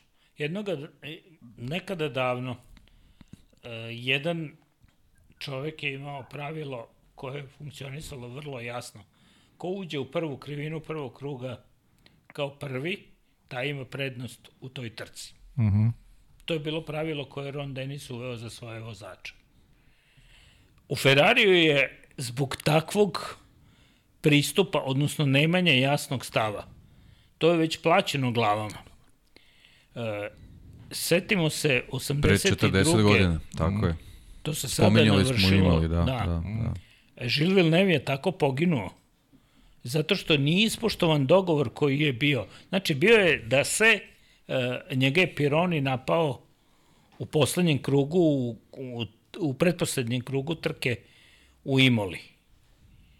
I onda on pokušao da uzvrati, Pironi je vratio, zapravo kontra bila situacija, uh, uh, napao ga je dva kruga pre kraja trke i osvojio poziciju, ovo je u poslednjem krugu uglušio se pravilo da se ne napadaju. Zoki, samo mikrofon možda primakneš. Da se ne mhm. napadaju u poslednjem krugu. Uh mhm. -huh. I to je e, sledeća trka u Zolderu, Vilnev je po svaku cenu želeo da bude ispred njega i u kvalifikacijama je preterano forsirao i odleteo. I to je bio kraj života za njega i kraj e, jedne priče o Ferrariju. Kasnije je Ferrari pokušao sve da e, nekim hajde da kažemo tako, prosto su se nametale situacije da su dolazili vozači, e, da, da uvek ima vozače nejednakih e, predispozicija, karakteristika. Da. Znači, nije Barikelo bio pravi e, protivnik. I, i, I Masa kad je bio tu. I Masi su rekli, ok, vozio je on kao najbrži krug, znaš, Fernando je brži od tebe, Pa je bilo ono, aha, jer brži. Pa ovo je opali tri najbrža kruga, masa ubedljivo brža od uh, Alonsa, a ovi kažu kao, ok, ali Fernando je brži od tebe. I onda ga masa na kraju propusti, a onda mu odgovore sa zida good lag, ono kao mm. naš dobar kuca. Mm. Izvini, Zoki, ali ima još jedna stvar, apropo Imole. 1989. godine ko je prekršio takođe pravilo. A Ayrton Senna kaže da ga je prekršio Prost, Prost kaže da ga je prekršio Senna. Ali to je upravo to, McLaren i pretiče do prve krivine Prost, a potom uzvraća Senna i krši to pravilo. A i Denis nije baš bio oštar prema Seni u toj situaciji. Ali- Ali, ne kažem da je prost neka cvećka, samo Da, da, kažem da. Da, ali ja ali sam, treba- razumeo sam Zokija, Parela je više vezana za, Jeste, za Ferrari. da. Za Ali- Ferrari. Ali, ali da da se vratimo, Denis Ali je ne- znao šta su sve uradili uh, Prostov klan. Odnosno, uh, šta, ka, na koji način je Jean-Marie Balester manipulisao sa senom. Dođeš, u subotu je pol pozicija sa Apsolutno. jedne strane, a u nedelju dođeš da startuješ, kaže, ne, ne, ne, ti ćeš sad da startuješ ovde, jer je pol pozicija sa druge strane. Mislim, Ne, ne, ne, ne, vidi. A da ne kažem odluke koje su bile, mislim, to, to, to je opet skandalozno i- i- ponašanje. I način na koji se Balestre ponašao je potpuno neprihvatljivo. On je te ljude tretirao kao da su stoka, bukvalno tim rečima. I to je Upravo zastrašujuće. Samo hoću da kažem nešto drugo. Nije moja pojenta da kažem, e sad šta je Sena uradio. Ne, nego nešto drugo. Da timski dogovori mogu lako da padnu u vodu. A u Monaku smo videli da je Sainz već počeo da pokazuje mišići, da kaže pa neću ja tu strategiju i neću da uđem. Pa sad, jel to će biti nekih reperkusija? Ne. Što Deki kaže, nijedan medij na zapadu nije rekao, pa ne može, kako planiraš sutra, po... jer to je ono čuveno. A, ako, ti bude, ako budeš pametan, ja, on je najpametniji. Ako bude loše, što nisi slušao ekipu? Vidi, ekipa neki plan mora da ima. Ja, pa jo, mislim da ekipa Ferrari apsolutno nema taj plan i Tako mislim je. da je napravila sebi haos. E, Potpuni e, haos. e, to je poenta, Srki, nije bitno šta kažu mediji strani. Ferrari ne treba da gleda šta kažu Tako strani, je. totalno je nebitno. Tako je. Bitno je, bitan, bitan je njihov pogled i kako će oni se dogovori unutar ekipe. Jer je apsolutno nebitno šta je rekao Pera Žika Mike, šta su rekli u krajnjem slučaju ova četvorica, Znaš ti ljudi je, koji znaš šta su... ti je tu u stvari dobar primer? Koliko smo puta u zadnjih par godina slušali da se Lewis Hamilton žali na odluke Me- Mercedes, ali ih ispoštuje. Tako je, e, bravo, bravo, jeste, živa istina. Tako je, Deki. Živa Iako, istina. iako je, čovjek koji ima toliko iskustva da. Evo, bravo, sve što on stvar- kaže na stazi, oni bi trebali da kažu ok, Deki, radimo po- kako si ti rekao. si, Da. poentirao si, Deki, da si poentirao si. Hamilton je prihvatio koliko je puta se ispostavilo da je Alison bio u pravu. Tako je. Jeste. Tako I, je. I shvatio je da on kao vozač iz njegovog uh, suženog pogleda iz kokpita ne može da ima tu sliku koju Tako je. Ima pred To je sobom. čak nedavno u jednom intervjuu rekao. Da. je vremenom shvatio, u stvari, naravno, u tom trenutku raditi adrenalin, sve, Da. potpuno je sve okej. Ima, ali- tu, ima tu stvari kada je, kada je Hamilton bio u pravu. Što ste mi stavili ovdje? Jeste, ne, Jeste, sve nesporno. ali, ali on je, Ali je ispoštovao odluku, ali je Ispoštovao je ono što je tim tako je, tako je. staze zna se šta se radi. To je ono što je moja poenta. Ja, ja I Srki, nema- šta, šta smo još pričali ti ja u prenosu? Da li je možda uticalo na svest ljudi koji vode Ferrari to odbijanje Carlosa Sainca? Da li, Pa su so, je. da li su se oni pogubili u tom momentu je. kada je Carlos Pa Sainz rekao ja to- neću? to. Ti si Jer rekao to, neću. jer to onda utiče... Aha, on je rekao neću, mi smo imali neku strategiju koja u trenutku više nije strategija, jer je naš vozač rekao neću. I E, dolazi do, rekao, dolazi neću, do jednog magnovenja. Tako da, je, ali, tako ali je. znaš, onda oni nisu, ti imaš i A, i B, i C strategiju. Tako Mislim, je. Ali, tako ali se radi. nemaš neću Ali on ni, nema A, A1 Tako strategiju. je. A tačka Da, 1 da. u slučaju da Sainz A, odbije. Da, Pa da. onda radimo Taj to. To je to što je rekao Srki, nema, nema neću strategiju. Ovi su opet to. mogli da mu kažu, Da. ok, onda prelazimo na, na plan B i to je to. Je to. Jeste. Da, Znači, Nema, nema. ali mora da se kaže. Tako je. Ali ko će da kaže? Vraćamo E, se to na je. početak. Tako ko će je. da Tu- kaže? tu je to je treba- ono da dođe to je ono zato i da postoji kaže, slušaj, Binotto. biće kako sam ja rekao. Jeste. Binoto treba da pritisne dugme i Nema da kaže šanse. Carls, Carlos, da li si razumeo? Tako To je, Ma- to je cela poruka treba, koja, koja E. treba da ode. E, bravo, bravo Zoki, zašto se pojavi kad treba Christian Horner i prepoznaješ glas Christiana Horner ili se pojavi Toto Wolff i kaže Toto tako je. Zašto se Toto izvinjava u Imoli Hamilton? Pa što je. nije isto ako se Bono izvinjava, ako se izvinjava Toto Wolff. Jeste. Bono je drag, inženjer je. Ovo je big boss. Ovo se javio i rekao, halo, i tu se zna. Ja, mislim da je Pajo pravo. Wolf je nasledio jednu lepu, nauljenu, Ne, ne, širu, pazi, Wolf, Wolfova znao da poruka je je bila. Wolfova je. poruka je bila posle mog izvinjenja sledi tačka. Završavamo ovu priču I, između idemo dalje. i to. I to je između to. ostalog i to. Pa A i Čeko Perez u Barceloni. Sve, sve šta mu je rekla ekipa, on je ispoštovao. On se Jeste. sklonio. Nema, I sklonio se pričat ćemo čovjek. posle. Pričat ćemo posle, ali uradio, uradio ono što je ekipa tražila. I tačka, E, nema, nema, nema zarez. Tačka. Ali pazi sad ovo, e, strategija, e, zašto se vraća sad na pri- i sad, pazi sad ovo, Čehu su dali strategiju koja nama se činilo u tom trenutku da je bolja, ali je rizična, niko ne zna šta će biti s time. Gde, ja se ne slažem sa Josom Verstappenom da su dali bolju strategiju Perez. Bolja je ispala da je strategija, ali ono što on nije gledao jeste da je to mnogo rizičnija strategija u tom trenutku. Mnogo rizičnija. Šta ako si pogrešio? Šta ako si pogrešio? Ti dalje imaš Maxa na bezbednoj strategiji, a Max nije u poziciji, i to je neko rekao prvi put, ne znam ko od stranih novinara, da je prvi put video Verstappena koji kaže neću po svaku cenu da idem na pobedu, nego, okej, okay, ok, što se kaže, deki, nije ovo moja staza ili moj vikend, Tako je. ali pazi, ja Da. sam treći i ispred Ne, ne, ali Leclerca. pazi, vrlo, vrlo Kraj. bitan moment, trenutak zamene guma kod, kod uh, Čeka Pereza, kakav je haos u boksu bio u tom trenutku. Oni su perfektno Jeste. odradili njegovu zamenu guma. Jer i Max dolazi iza. Perfektno je sve Jeste. bilo. I to je, to je isto moment ekipe.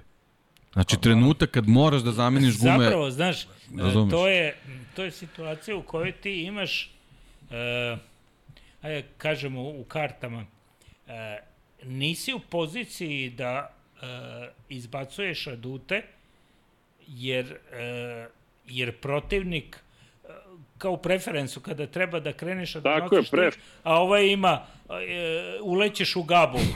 E, e, Max je bio tu u gabuli. Šta god da uradi, e, Ferrari bi to dočekao kontrapotezom. Bez obzira ko, vozači bi to uradili na stazi. I Max je sam izračunao da mu je ovo situacija bolja. Carlos će da pritisa ka Pereza, a ako se sudare, još bolje. Ja sam prvi. Bitno je da je Leclerc iza mene. Sve drugo, je. ne važno. Da. I sad već kad si spomenuo Leclera i povodom sve ove priče što je Srki rekao, kako bi bilo dobro da smo u radio komunikaciji posle trke čuli bi nota koji pali svoj radio Bravo. i kaže Šarlu, izvini, ovo je naša greška, vraćamo se u sledeće trke, jači, pobeđujemo. Ili nemam pojma kako god. Znači, poruka za njega, poruka za ekipu, poruka za tifoze, a ti imaš šef ekipe koji Ništa. je isključio sve radi. A da. Eto, to, Ima- to, je, to imaš- je to što Ferrari mora, mora jednostavno da prebrodi, to je pre svega Binotto, znači mora da sam sa sobom raščisti da kaže, lupi šakom o stoj, kaže, I- ili ja vodim ekipu, ili Ako je... dosta, pa, mislim, sve stoji, dosta je uradio. Da, ali nije, Ferrari ove nije- godine je drugačiji u odnosu na neku Ljudi, priču, Ali... ali Jesi gledao Formulu 2 ujutro? nisam, ne, ne. Znaš s kim je došao Binotto na, na stazu? Sa Mhm. Carlosom Sainzom. Na, na trku Formule 2, znači prvi koji su se pojavili od Ferrarijevih bili su Mate Binotto i Carlos Sainz. A jesi vidio šta je radio Leclerc? Leclerc je došao biciklom i, i stoji priča sa nekom, nekom ekipom, nisam sad, ne znam ko je tu, da li su novinar ili mehaničar i sad kreće da staje na pedalu da krene, Binotto pozadi hvata sedište i ne da mu Da, da, da, da. Znaš, mislim, nije situacija za šefa ekipe u tom trenutku da, da mislim, simpatično ispalo Ali sve, ljudi- ali, ali ti neki E, odnosi, Vratit ću se, izvini. ne može tako Na- šef na- Ferrari ajde, da radi. na, ma, malo unazad, o, par stvari. Matija Binotto je čovek inženjera, on je čovek motora, on je čovek Tako je. mašine. I on je napravio mašinu. I ja pravim paralelu sa Aprilijom neprekidno s razlogom. Romano Albesiano je šef Aprilije u Moto Grand Prix. On je mogao da, da radi šta god je hteo i on ima probleme. On, on menja ulje na motoru, umesto da to radi neko ko, ko je njemu podređen. Hirarhija vojna mora postoji. Druga stvar, imaš dovode Masima Rivolu koji se samo bavi ljudima. Njegov posao je samo se bavi ljudima. Pa dobro, ali on je kadar Binotto- Ferrari. Šta šta? Rivolo, Rivolo je kadar Ferrari. Massimo Rivolo. Nisam te čuo, izvini. On je kadar Ferrarija. Tako je, on je došao iz Ferrari, on je, on je jedan od glavnih ljudi Ferrarijeve akademije. Ferrariju nedostaje tehnokrata. Pa, Ne, nje- mislim, ne, ne inženjer, tehnokrata. Znači, ne mora da bude. Izvršni, ma general, Tako. Zoki, izvršni direktor to. koji kaže A to pa da. kraj, nema dalje. Znači, ja sam rekao i sad vi vojnici idete to da sprovodite u delo. Ja sam zvezda, dođi I zvezda. ako te pogrešim, ja sam rekao. pogrešio. Tako je, Jest, jest. tako je. I da I sto, i to stojim iza toga. Iza Mora da greške. se zna ko je pogrešao. Ko je sad u Ferrariju pogrešio u Monte Carlo? Niko. Kako nemamo pogrešio? pojma, nemamo pojma. Jer, jer onda dođe, dođe PR priča, znate, bila je kiša, pa prethodno su bili oblaci, a onda je to rešilo da okludira Da, I, mislim, pao ono... I onda Signalizacija razvo- nije radila? Da, i tako, tako onako neka, neka bajkovita kao, eto, da zamaglimo. Konkretno, ljude interesuje zašto je to ispalo tako kako je. Tako je. E sad, To- to, mi to... možemo da pričamo do duboko u noć. Suština je da Ferrari nema rukovodstvo koje bi moglo da isprati sezonu do kraja u smislu da borbe za šampionsku titulu sa jednim uh, tako uređenim i sređenim timom, sa tako kvalitetnim vozačem kao što je Max Verstappen. Izuzetan vozač, agresivan, jasan, uh, precizan i, i, i u timu gde ćemo videti kako će se Perez ponašati, ali Red Bull ima i B plan za, za, za, za Pereza Ma, ukoliko bude neposlušan. Tako je, sigurno. Ljudi, Ja Red Bull ima pet pobjeda ove godine, Ferrari ima dve. Tačka. Kraj. Mm. To, to je sve što treba da znamo. Pet pobjeda nasuprot dve. A pričali smo posle treće trke sezone nikad veća prednost u šampionatu sveta Charles Leclerc. Ko s toga steće? Pa to, to, je, to je jeste krenulo- bilo tako. Da. On će uskoro da bude iza Pereza kako je krenulo. Pa, Pa ima šanse posle Bakua, ja stvarno ima. tu vidim objektivno da, da je Red Bull u prednosti. Ali dobro. Pričat ćemo znaš šta, o Baku ja, sledeće ne nedelje. bi ja baš uh, Baku tako favorizovao na, na, na, stranu. Uh, Tipuješ na. Mercedes. pa da, na, tu, tu može da se desi. Bako je jedna onako ne, netipična kombinacija, opet vrlo. Ima tu i, i sporih krivina, Ima. i ima i, i brzih pravaca. Ferrari e, dobro povlači iz tih, e, da kažem tako, Porik, da. ćoškova. E, tu ne bi, ne bi Ba da. krajnja brzina je Ne, ne znam, e, mislim da... e, Ne, bit će igra to Zoki. U pravu si, i ubrzanje inicijalno je kod Ferrarija bolje. Ali onda tamo, peti, šesti, sedmi, tu već stiže Red Bull. To smo videli u Barceloni. I onda dođe Mercedes. Sad Mercedes, ja mislim, će biti interesantno. Da, ali, ali u Baku je po- dovoljno da se promeni temperatura, da bude potrošnja guma dobra. Ti, ti vidiš da se bolid Ferrarija ponaša protivno svakoj logici. Što su gume pohabanije, Da. on je bolji. Da, da. Ali. To, to Ja, ne ljudi, mogu da objasne još. Ni ovi iz Pirelija baš nije, nije im najjasnije. Ali, hm, kako god. ali uče. Ej, vidi, da pohvalimo samo Đorđa Russella, ne spomenu smo čoveka, čovjek je bio peti, stalno je peti, non stop je peti. Dakle, jedno ti garantovano u Formuli 1. George Russell će biti među prvih pet u 2022. Samo da konstatujem četvrti u šampionatu nastavlja da bere poene, 84 poena ukupno, lepo.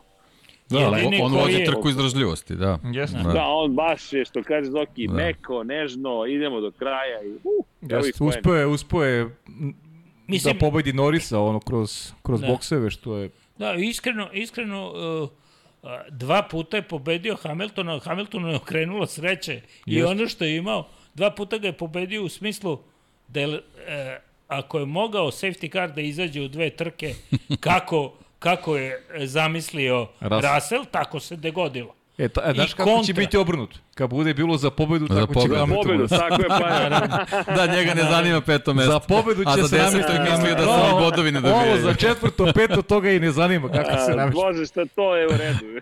Da, Da, da. Tako da, da, da ja mm, verujem, uh, Russellov jedini problem je što je previsok. Da. Fizički ne odgovara. Ovaj, Niko Hulkenberg. isti problem. Pa to, da. Isti problem. Ne može, ne može da stane u, u kokpit. Okon. Isto. Da. Džabe što je Okon kao glistao. Da, da, da. Što se uvuče kad njemu glava Kad ima, da, da. gore viri i to, i to nije, nije Ne pravi se po njemu bolid. ne pravi se po njemu bolid. Ovo je igrom slučaja odgovara. Hamilton je idealni proporcije. Da, Al Alonso je preširok. Pogotovo sad se raskrupnju. malo. da. Ali La, Pa Alonso dobro, da. Imao godinama, najbolji, godinama. Znamo mi to. ali imao najbolji plasman ove godine. Ne znam o čemu deki Da. pričaš, ja sam malo Jest. ovde rekreacija. Nema veze, jeste. pričat ćemo ja i ti preko sutra. E, to moramo da kažemo, preko sutra. E, To da, ne smemo da zaboravimo, ne smemo da zaboravimo. to. tako je. Slušajte dobro. Da, Da. o, MotoGP podcast, ko prati Moto Grand Prix, neće biti u sredu, s obzirom na činjenicu da ne možemo da garantujemo tehnički uslovi da će biti adekvatni i želimo da to bude kako treba. Volio bih i da je studio večeras, ja sam poneo ceo kompletan mini studio sa sobom, ali nije bilo moguće ga aktivirati, pa sam našao gde imam 5G mrežu, a iz druge strane u četvrtak sa staze imaću odakle da radim to, i onda Deki ja 7 od 18 časova, tako smo se dogovorili, da bismo imali dan, da bismo imali sve kako treba, da ne bi zašlo sunce kao što je sad zašlo, pa sedim pod lampama, ali eto, tako da znate da će u četvrtak to biti od 18 časova. Da, a večeras ko nas prati, to je stvarno najvernija moguća publika. Deki prati s obzirom da, da Novak Đoković igra u ovom trenutku protiv I Boga mi Rafaela je Nadala. ludilo. Ludilo. Ludilo, a? Ludilo. Ko ludilo. igra? Svaka Ko igra? čast. Da. Ko igra? Ko igra? Ne znam, o čemu pričate? I misliš, Sjajno. Lab 76 i večeras na redu. Ne, vidim, vidim na četu da ljudi paralelno gledaju. Hvala svima, zaista. Tako je. Svaka Hvala. čast. Hvala svima i čao svima. Aaaa! Nema, čime, či, čime, čime je Zoki došao, to je odmah ekstremna gledanost. Ej, vidi, i, ali samo da znate, možda će mi se ugasiti telefon, pošto više ne može da izdrži, sve ima svoje prednosti i mane. Ajmo Na samo onda polako da privedemo da kraju. Da. Ajde, ajde, ajde, da. Da. samo šta još nismo, šta, šta smo još tako trebali da... Pa da... Indianapolis. Alfa Romeo, Da. Alfa Alfa. Romeo, čekaj, moram spomenem Alfa, osvojio Valtteri ponovo poene osvojio. Čovjek je Bottas, nezaustavljiv. Da. Valtteri, Valtteri Bottas, Bottas. ljudi. Ne, da ne, za- ne, ne zaboravimo da je, da je, ko je beš, Okon je ostao bez pojene, ili tako? Okon je imao 5 sekundi kazne, Jeste, tako da. jeste, jeste. Oko nije uspeo i i nije mu tu pomogao. E pa tu je njemu trebala pomoć, ali realno Alonso je vozio svoju trku. Da je Alonso povukao u, u startu, možda bi, Alon, možda bi oko napravio tih pet krucijalnih sekundi viška, ali Alonso je vozio svoju Jednu trku. trku mu je dao. U krajnjem jednu slučaju, je. Okon mora da nauči da poštuje hijerarhiju, ne može da se trka sa Alonsom A, kad ne treba da se pritom- Možda će naučiti jednu. Jednu, Alonso da. je bio, Alonso je bio ceo dan nešto ljut kao ovaj, ne, ne, nešto tu nije bilo po volji.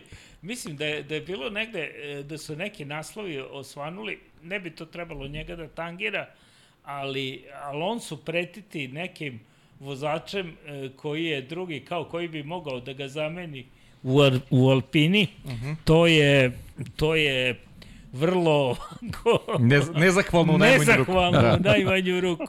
Tako da, e, mislim da e, on je e, u dubini duše nesretan zbog svega, nesrećan zbog Mhm. svega što se desilo u karijeri, zbog prokockanih e, šansi i prilika. E, Još kad čuje da ono Marcus Eriksson svoju Indi. Uuu, Katastrofa. U njegovom- to je verovatno. Tako je. To je verovatno ono uh, kako da kažem veče da kažeš hajde na spavanje dosta da, Da. se taj dan završi tako Popio da je Markus, popio, mleko Marko Honda dve pobede. Pa da Deki, On- Deki, ti, Monako i Deki, Indi. ti si gledao, ti si Jeste, gledao. pratio sam Indiju, ovo je bilo je stvarno ekstra zanimljiva trka, stvarno i ono. video već sam sam rekli, finish da je 325.000 ljudi bilo, stvarno onako spektakl, fenomenalno bilo. Scott Dixon je dominirao ponovo trkom, ali neverovatno, poslednja, poslednji pit, znači bukvalno samo da, da, da tehnički reši da zameni gume, da se vrati na stazu i prekorači brzinu za 1,6 km na sat i dobio drive-thru kaznu i i, zdravo. i poslednji je bio. I I Marcus Markus je tu i- iskoristio priliku, nekako, meni je, meni je onako bio baš ispod radara, nisam ga ovaj, nekako ukačio tokom čitave trke da, da će biti tu, međutim Pato. Pato Award je bio sjajna taktika, bila stvarno ekipe ovaj, McLarena, i on i i Felix Rosenqvist su bili bili sjajni. Na kraju čak i treći vozač Juan Pablo Montoya koji je imao je baš baš loše Bio je 10, vreme 11 na kraju. bio loše vreme u kvalifikacijama imao i, i baš imao loš tempo tokom trke na kraju je sa poslednja dva pita onako baš iskusno su odradili 11 je završio tako da Mhm. super je rezultat ali nekako taj usud Indi, e, Indija 500 niko ne spomenje drugog, trećeg, četvrtog Da, nego to- samo je pobednik bitan da, ali da. nema veze super Marko Eriksson onako eto čovjek koji je onako pet sezona u Formuli 1 potpuni marginalac Potrošio. bio. Meni, meni, je bio, meni je fascinantno bilo kako on pet godina ovaj, je tu, ali očigledno to sponzorstvo je držalo Držalo čitavo da. priču, drže ga i ovamo, sve ok, ni ovde nije bilo lako, imao je tešku prvu, prvu sezonu, on je morao Dobro, da prolazi, da prilagodio. uči, Da. prilagodio se i ovo je, ovo je stvarno ono, stvarno rezultat koji može da mu preokrene karijeru, da. zaista. Evo, ja ću, ja, pošto srđan, malo Da. ćemo, a, ja sam malo ispratio, u stvari, naravno, vožena i, i še, 600 milja, 600 milja, Charlotte. Pre nego što Da, nam to to sad postaje zanimljivije zbog Kimija. E, a, a znaš zašto je zanimljivo Čekaj. 600 milja? Znaš zašto je Šalo zanimljiv? Zanimljiv je zato što je prošle nedelje, prošle nedelje je Kurt Busch doneo prvi triumf e, ekipi Michaela Jordana i Denija Hamlina. To je prvi triumf i Denny Hamlin je plakao posle tog, posle tog triumfa. Evo, juče je pobedio u Charlotteu 600 milja, tako da, eto, u, u dve nedelje Denny Hamlin u centru pažnje. Prva njegova pobeda u Charlotteu, a nije dana pre toga kao vlasnik tipa, tima dočekao prvi triumf i to od strane Kurta Busha, što je I baš... pritom, pritom ovaj, Charlotte koji je kruna, što je Indy 500, to je Charlotte, Charlotte za, 600, jest. Pa, 600 Dej- za... Daytona Tako i Charlotte. tako je. I Da. Charlotte, jeste. 500 milija Daytone i onda Charlotte. Ali Ko me to- to- zna, to- ja to- volim Taladegu. Taladega, da. Samo Da, to. da, da, da, Samo pa to i ja sam priznajem. isto osjetljivi na Taladegu. Taladega, kako E. ne, ko nije osjetljiv? A, ali znaš šta sam te da vas pitam? Ne, ne, Kaži. Taladega Night, čekaj, ali sam te bre nagradno pitanje da vam postavim ljudi, ko je, koji je A šveđanin šta je nagrada? poredu? Čekaj samo, E, ajde prvo šta e, je nagrada? Sad i ti preozbiljno to shvataš. Aha, A, on, on nagrade daje onako. Nagrada, nije, ne, a, a, zabavno pitanje, pošalice, dobro. Ajde. nije na- nagrada. E, e, e, ali posle moram Zokija nešto da pitam. Jao, imam ozbiljno pitanje za tebe, mada i promotivne prirode, ali dobro. A, Dobro. sam da se pita, koji je ovo šveđanin po redu da je osvojio 500 milja Indianapolis? Pa ja znam da je drugi, ali ne znam, ne znam da li je. ima još. Nije, nije, drugi, drugi. Aha, Da, neki, da. pamti sve. Kenny Brack. Brek. Kenny Da, da. Brack, tako je, da. Da, da, da. E, Ozbiljan ali- vozač bio, da, da. Ozbiljan bio vozač. E, ali Jeste. Vanja, znaš šta, znaš šta te molim, Vanja? Iako će koleginici iz prodaje da me eliminiše, ali nema veze, uh, platit ću. Ovaj, i, uh, jel, možeš, u stvari pisat ću ti poruku, pis, napisat ću ti poruku, ovaj, da, da, da, da, da pokažemo gospodinu Živku nešto što smo uradili, da imamo koje je njegovo mišljenje o tome. Aha, o, to ćeš sada? To To ste da ga pitaš, a? a? Ne, ne, dobro, okej, okej. posle, posle, okej. posle. To možete, to možete vi. Ali čekaj, da se vratimo na NASCAR. Što kaže neki Kimi, ej vidi, Kimi nam stiže u NASCAR. Ha! Da. Ne, ne može bez Kimija. Pa Kimi je bio na motokrosu, sad je on tehnički, on je sad Jeste. direktor Kawasaki. U ozbiljan posao je ušao. da. je ušao. Eto njegov to je Moto Grand Prix uskoro. To je verovatno priprema za sina. Moguće, što, moguće. Što mali da. vozi, ono, Moguće, moguće. ne znam, uh, kakvi su njegovi planovi, očigledno ne može da sedi kod kuće. Da, ne da mu đela mira, dosta je odmara.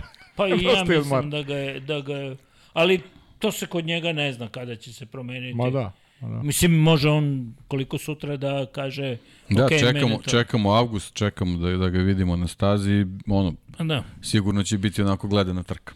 Sigurno. Pa A- ako dobro, ništa, baš njega. ako ništa, možemo, Watkins, Glenn, možemo ovako super pri kraju da da. konstatujemo da, Moja je... omiljena, inače, u NASCAR. E, možemo konstatovati, pa e, znaš zašto je i meni, meni je omiljena? formule, da. Zato što ima, ne, ne zbog formule, zato što je to staza gde e, moraš da pokažeš da znaš da skrećeš u Tako, je. desno. a i ne samo to, možda, Da. možda se vozi i po kiši. I to. ja to obožavam. Ja I Malo to. vidim njih da voze Da. po kiši, a ne oni ovali, Tako padne je, kiša, pa ja. prekidamo trku. Iako, iako, iskreno, kada sam prvi put vozio na, na ovalu, ali ozbiljan automobil, uh Mhm. -huh. uf, onda sam shvatio Ja da, isto. da, to, Tu- tu sam- znaš kakav sam respekt dobio respekt, prema njima. Da, da, da je to, znaš, jer ti trebaš sa nekih 200-250 iz moje vizure, koliko sam ja vozio, da, da se približiš na 5 cm zidu. Tako je. To je ozbiljan. Ovaj, Meni su, meni su napravili, imao I- sam reper na 260 i sa 260 vozio sam stazu koja imala četiri trake. Da. I vozilo se drugom i ti si iz druge treba u jednom trenutku da sa 260 pređeš u četvrtu. Ozbiljna priča. Ozbiljna priča. Da. I onda kao pomisliš da ok, a on to vozi 800 km tako, ili recimo posle sam pričao sa, sa Milošem Pavlovićem koji vozio 24 Daytona. sata Daytone pa voziš noću po mraku. Da.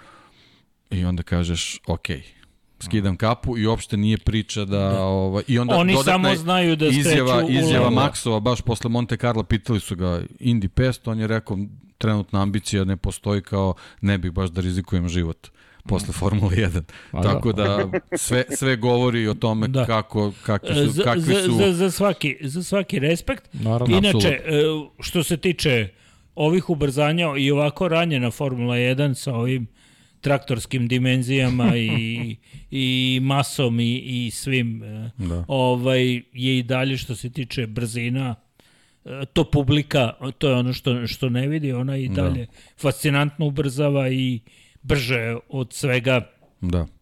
ostalog što postoji, iako čini mi se da se, da. i nekom, da mi se čini da sve radi se na tome da to tako ne bude. Da. No, Si tu, Srki? Šta ćemo? Dušan, Dušan, Formulu 2 Dušan, ćemo malo, malo Pa Formulu 2 da moramo, ja da tako je. Fe- Filipe Drugović, još po- jedna Da, pobeda da, Filipe, njegova. da, ne smemo da njega Filipe da zaboravimo pobedio Teja nikako. Puršera koji je uplakan Maltene bio na, na, na kraju ove, ove nedeljne trke gde je pobedio prošle godine, ali Filipe potvrđuje četvrta pobeda u sezoni. Zaista dečko koji Da, i za njega pleni- emotivno Brazilac u. Monte Carlo I, naravno, sa i- Senom na i kacigi. sa kacigi, da, da, tako da, je, da, tako da, je. Da. Posle one prve Da. sprint trke gde je... Da. I, i ste videli taktički potez koji imala ekipa u da, subotu? da, da ostane. da, da ostane na, e, imao je gume za kišu. Ka, imao je, pukla mu je guma na početku, otišao u boks i stavili su gume za kišu. Iako je bilo vedro nebo iznad. Pričalo se da bi možda mogla, on je probao sa gumama za kišu, ako veli, ako padne, ako mi se posreći, ja ću povedim u ovoj trci, ali nije ostao dugo, posle ga Da. povukli iz trke, čuvao se za nedelju i to je Pa to. dobro, da. to je, to je. I treba spomenuti još jednog, da kažem, e, naše gore list, znači, e, to je Dino Beganović, Da, da, Mhm. da, da, Dino, da. koji je imao isto tako uspešan vikend u Monaku i to je, to je ono, Jeste. drago mi je, drago mi je za te za te momke, iako su oni sami svoji, što kaže, produkti, ono, ne, nemaju veze sa ovom zemljom, da. utoliko osim što su kao nesretni do, otišli odavde da. njihove porodice i to, ali uspeli su da, da se nametnu u svetu i da je, da je to... Ljudi, Ne, Dino ima sjajnu sezonu, on je u regionalnoj evropskoj formuli i on dečko pobeda drugo mesto, pobeda drugo mesto, drugo mesto, pobeda. On vodi u šampionatu, on, on je isto deo Ferrarijeva akademije, ali pazi, on je Tako svoju pol poziciju u Monaku i u Monci. On, vozili su Moncu, Imolu, Monako, on ima pobedu u drugom mestu, pobedu u drugom mestu, kažem i na drugom mestu pobedu. Znači, potpuno, dečko je fantastičan, bukvalno je fantastičan. Što se ne može čast. što se ne može reći za našeg zemeljaka u Formuli 1 ovog. Sa ti, Za našeg sigurno, zemljaka u formuli. Kako? Štrolovića. Štrolović. A, a, okej, ja. Strolović, da, da. Da, jesi, ima, Leo. Da. A, Leo, da, da, da. Čekaj, Zoki, treba mnogo istorije na sve, na Jeste, sve jeste. strane, Da. što bi se reklo. Ali dobro. Lorenz, Ali dobro, ali sva, zaista Felipe Drugović, velika stvar. Sad ne znam, ja sam u putu bio, ne znam da li je to istina da je nešto potpisivo s McLarenom ili nije, ili to Ne znam, ja bih samo ne. zaista volao da ova trka bude prekretnica za njega, da malo da se i Tako porodica rastereti malo, da, da, Da. malo se Brazil uključi čitavu priču, Jeste. nadam se da će početi malo da ga prate, stvarno definitivno Zaslužuje. zaslužuje, posebno Apsolutno. ove, ove sezone, da. I Ako- prošle godine je bilo nekoliko Jeste. sjajnih trka, ali sada je, sad je sada onako je baš je sazreo, da. Ma da. Ali znamo, mislim, Da. E F2, sad- F2 je već skupa sama po sebi, da, da to porodica nosi, to je baš onako teško. Ovde u Monaku je- jedna trka, to je prva koju nije završio i koji nije, gde nije osvojio poene. Znači ima jedan kontinuitet Da, ozbiljno uz četiri da, da. triumfa. To je već pokazatelj talenta, Da nije- kvaliteta. Nije slučajno ništa, naravno. Da. Dobro. Da, i spomenuo bih i izvinjam se samo još jednu stvar, a to jeste da je bio održan i u Herezu je održana druga runda šampionata Formula 4 španska. Filip. A, Filip Jenić, da, bravo, Filip, da, da, Filip da. Jenić, da, Filip je... Ne, već se stvari toliko vozio- smenjuju, više ne znam šta je kog vikenda bilo, da. Tako je, tako je. da. Tako je. Pazi, ovog puta nije bio na pobedničkom postolju, bio 8. 9. i 7. I rekao, nije, on nije vikend koji smo želeli. Znači imao dobre testiranja pre toga, ali je odvezao do kraja sve tri trke i osvojio poene. Trenutno je sedmi u šampionatu, a na prvoj poziciji Nikola Colo Ne čuješ se. ne varam, tako da. da probamo da vidimo da li nešto radi. Čujemo. Čuješ, šta se Sad čuješ? se Šta se čuješ, čuješ? čuješ se, čuješ se. Da vidim da li smo živi, drugari. Jesmo, Jesi, jesmo. jesi, Jesmo, čuješ se, sve okej. Sad je okej. Jednom momentu samo se izgubio. Ja vas sad ništa ne čujem, pa nadam se da vi mene čujete. Sad si na 4G. Čujemo te. Ćao. Čujemo, Čujemo te, čujemo te, sve super, okej, super, čujemo. čujemo te, čujemo te. Sve je okej. E, ja vas sad trenutno ne čujem, ali, Dobro, ali, ne vredi. ali Dobro. postavljam vezu, dajte mi sekund. Dajemo ti sekund. Dajemo ti sekund, ali Da. eto, možemo Sekund. polako i da se... Pa da, otprilike. Da se odjavljujemo. Možemo da se da. odjavljujemo. Prošli smo, Zoki, imaš nešto dodaš, hvala ti puno na, na ovaj, Pa nema. iskrenim, iskrenim istripnim analizama. I Da. kad ćeš, kad je sledeća trka? Gde si, gde si sada i Azerbejdžan ili ideš ili... Ne, ne. Nećeš, a? Neću, neću Azerbejdžan. Uh, sledeće bi trebala da bude Austrija. Austrija, aha. Da, to je onako... Uspeo sam da znate. E, dobro, Tako da bravo si ti. Dobro. Tako da to bi trebalo da bude ono što je zapravo zbog rasporeda obaveza u magazinu i zbog svega to bi trebalo da bude. E, Zoki, Da, a pre nego što kreneš na put, imamo mi malo iznenađenje za tebe, da ne kažem Dobro. dva. dobro. Pošto ti naš prijatelj, mi tebe volimo, a Dobro. i ti si čovek koji je podržao Lab 76 kada smo kretali iz podruma, što se kaže.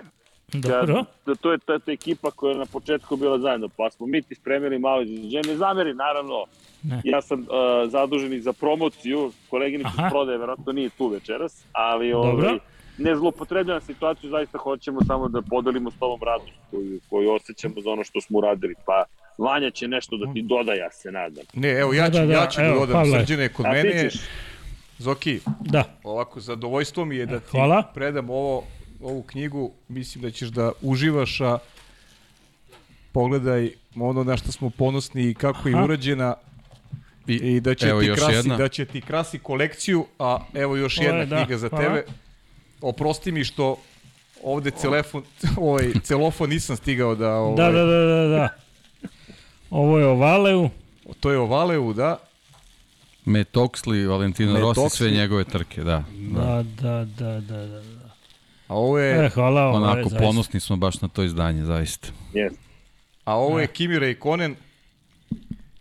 Neotkriveni Kimi Räikkönen, verujem da si, da si ovaj, imao To je prilike neotkrivenije, da vidiš- možda ćemo tek da otkrivamo Da, da, da, da, da, da, ćemo tek da otkrivamo da, šta se dešava ovaj, u nekoj novoj karijeri Kimi je. Leave me alone. Leave me alone, da. pa dobro. Vidi, Zoki, ti si čovek Da. od papira, tako da... Pa možda je vreme da i ja nešto napišem. Zapravo imao sam ideju, imam, ne, ne imao sam, imam ideju, Znam odličnu ali sam, izdavačku kuću, Zoki. da, znaš šta je problem? Što mi je ovaj kratak dan. A, Da. to je A baš, malo- da. Baš sam Ali, iznenađen zbog toga. ovaj, Nešto mi ali zvuči dobro. Da ti danas završava ranije. Da, da, da, sutra je već novi dan. Ali dobro, mislim, vreme, vreme je super, ovo, ovo svakako. Pa ništa, hvala vam na, na, na ovim uh, poklonima. Što kaže, vrlo rado ću ih. Čovjek iz E. marketinga, to Zoki. Pa, Ali nije zbog toga, stvarno. Knjige su najlepša ne, pa, stvar, jedan pa, pa knjige, e, Najlepši znate šta, ovo je, ovo je, kako da kažem, ove sadašnje generacije možda i da ne shvataju, da ne krenjem sad u, u ne, neku drugu krajnost, nije čitanje ovako. I ovo može da se ugasi i baterija, ovde ti ne treba baterija. Možda ti sa godinama trebaju naočare, ali ovaj, treba će ti i zbog ovoga. Pa je ovo ipak ovo nešto što ostane. Ja sam čovek od papira i ja volim ovaj Miris. Svi Da. smo, svi smo, Svi, da. svi smo, svi smo ljudi da, od papira, da, da. da, mi je, da mi je to posebno posebno drago. Ništa, zahvaljujem vam se. Hvala tebi. za E, hvala vam na pozivu. Sledeći put kada poželite, čućemo se, dogovorit ćemo se. E, žao me što Znaš da kolega... Mi, da, e, Hasan- izvini, hteli smo mi ranije da dođeš, ali znamo da, Da, nije dobro. bila baš laka zima, tako da smo Da, bili da. strpljivi, što kažu. Pa dobro. Tako je, sa, sa, sad je proleće. Sad pa, je sve okej, da. pa da. da. Vaš? Mada i ja zaboravljamo, mi se vadimo na COVID, da znaš. dobro. nije bila laka Ne moraš, zima. sad, ne moraš detalje baš. sad. Nije, Tako je. nije bila laka zima. Ostaćemo, Da. ostaćemo na tome. Ostaćemo na tome. Ej, Zoki, žao mi je Da. što nisam tu, ali mnogo mi drago što si u studiju i hvala ti za sve Znaš, generalno. Dobro, sad to za žao mi je, ne verujemo ti, ali ajde, nema veze. Dobro. Da. A, Žao mi je što nisam u studiju. ili O što tome ćemo Ne, kad se vratiš. Vidi, mi bi, mi bi mogli da kažemo, žao nam je što nismo tu. da, na primjer. Ima neki Da, koji da. su bili... Tu. Da. E, E, mislim, ali samo da znaš, Zoki, sledeće godine i e, studio je u februaru u Čileu. Da. Tako da Pa, ima, tako imaš poziv da dođeš u Čilo. Svi Dobro. idemo. Idemo se Dobro. učile, da znaš. Još ne zna moj brat, ali nema veze. Saznaš. aha, A ako, pa, to je njegov problem ako ne zna. Znači da ne gleda Tako redovno je. podcast. da. Tako je, nije informisan Dobro. čovjek. Pa nije dobro informisan čovjek. Dobro, dobro, pa vidi, Če, Čile, što da ne? Tako, tako je. Pa da. Sve je javno. E, ljudi, meni se Da. gasi telefon. Tako Ajde, da, sve odjavljuj. Ajde. Ostem, izvinite, a, nemam knjigu kod sebe da pročitam imena, ali ako možete, eto, taj deo priče da uradite i da pozdravite sve Patreone, a, i da onda, ne znam, poželimo svima. Ja ću reći moje čao svima, ali ako može, ostavljam u vašim rukama završetak i mi Hoćemo to o, iz Senine knjige, jel tako? Da. I, e, može iz Rosije, iz Rosijeve su novi. Aha, aha, može, može. Tako da znate. Može. A, pošto Zoki, znaš šta mi volimo da uradimo? Svi koji su na Patreonu, patreon.com kroz Infinity Lighthouse, da pročitamo imena ljudi. Zašto? Zato što je to najmanje što možemo Jel da uradimo. poslednja strana je tako, a? A, bukvalno tamo, na, baš na kraju, na kraju. Dobro. A, u, ovdje ovo mi trebaju naočari možda.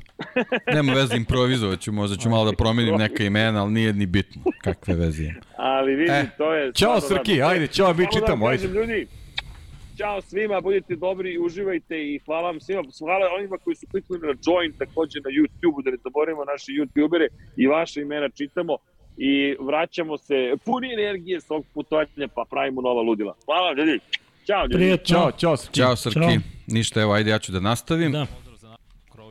Pokrovitelji Infinity Lighthouse-a, evo ovako, Patreon pokrovitelji, Ozren Prpić, Jelena Jeremić, Sava, Ivan Toškov, Stefan Dulić, ćemo neku muziku, Vanja, u pozadini malo da, da, da oživimo čitavu priču. Da. Mladen Krstić, Marko Mostarac, Marko Bogavac, Nenad Divić, Toni Ruščić, Ivan Maksimović, Zoltan Mezej, Mario Vidović, Miloš Banduka, Aleksa Vuča i Zoran Šalamun, Ivan Simeunović, Predrag Simić, Đorđe Radojević, Mihajlo Krgović, Filip Banovački, Nikola Božinović, Nenad Đorđević, Miroslav Vučinić, Monika Erceg, Omer Kovačević, Aleksandar Gošić, tako je Vanja. Jelena Mak, Luka Saovi, Žorž, Stefan Vidić, Mlađan Antić, Marko Ćurčić, Borko Božunović, Milan Nešković, Bojan Mijatović, Petar Elić, Nenad Simić, Boris Gvozden, Andri Božo, Josip Kovačić, Mirjana Živković, Boris Golubar, Đorđe Andrić, Zorana Vidić, Luka Manitašević, Ljubo Đurović, Miloš Vuletić, Dušan Ristić, Marina Mihajlović, Nemanja Miloradović, Vukašin Vučenović, Đole Bronkos, Miroslav Cvetić,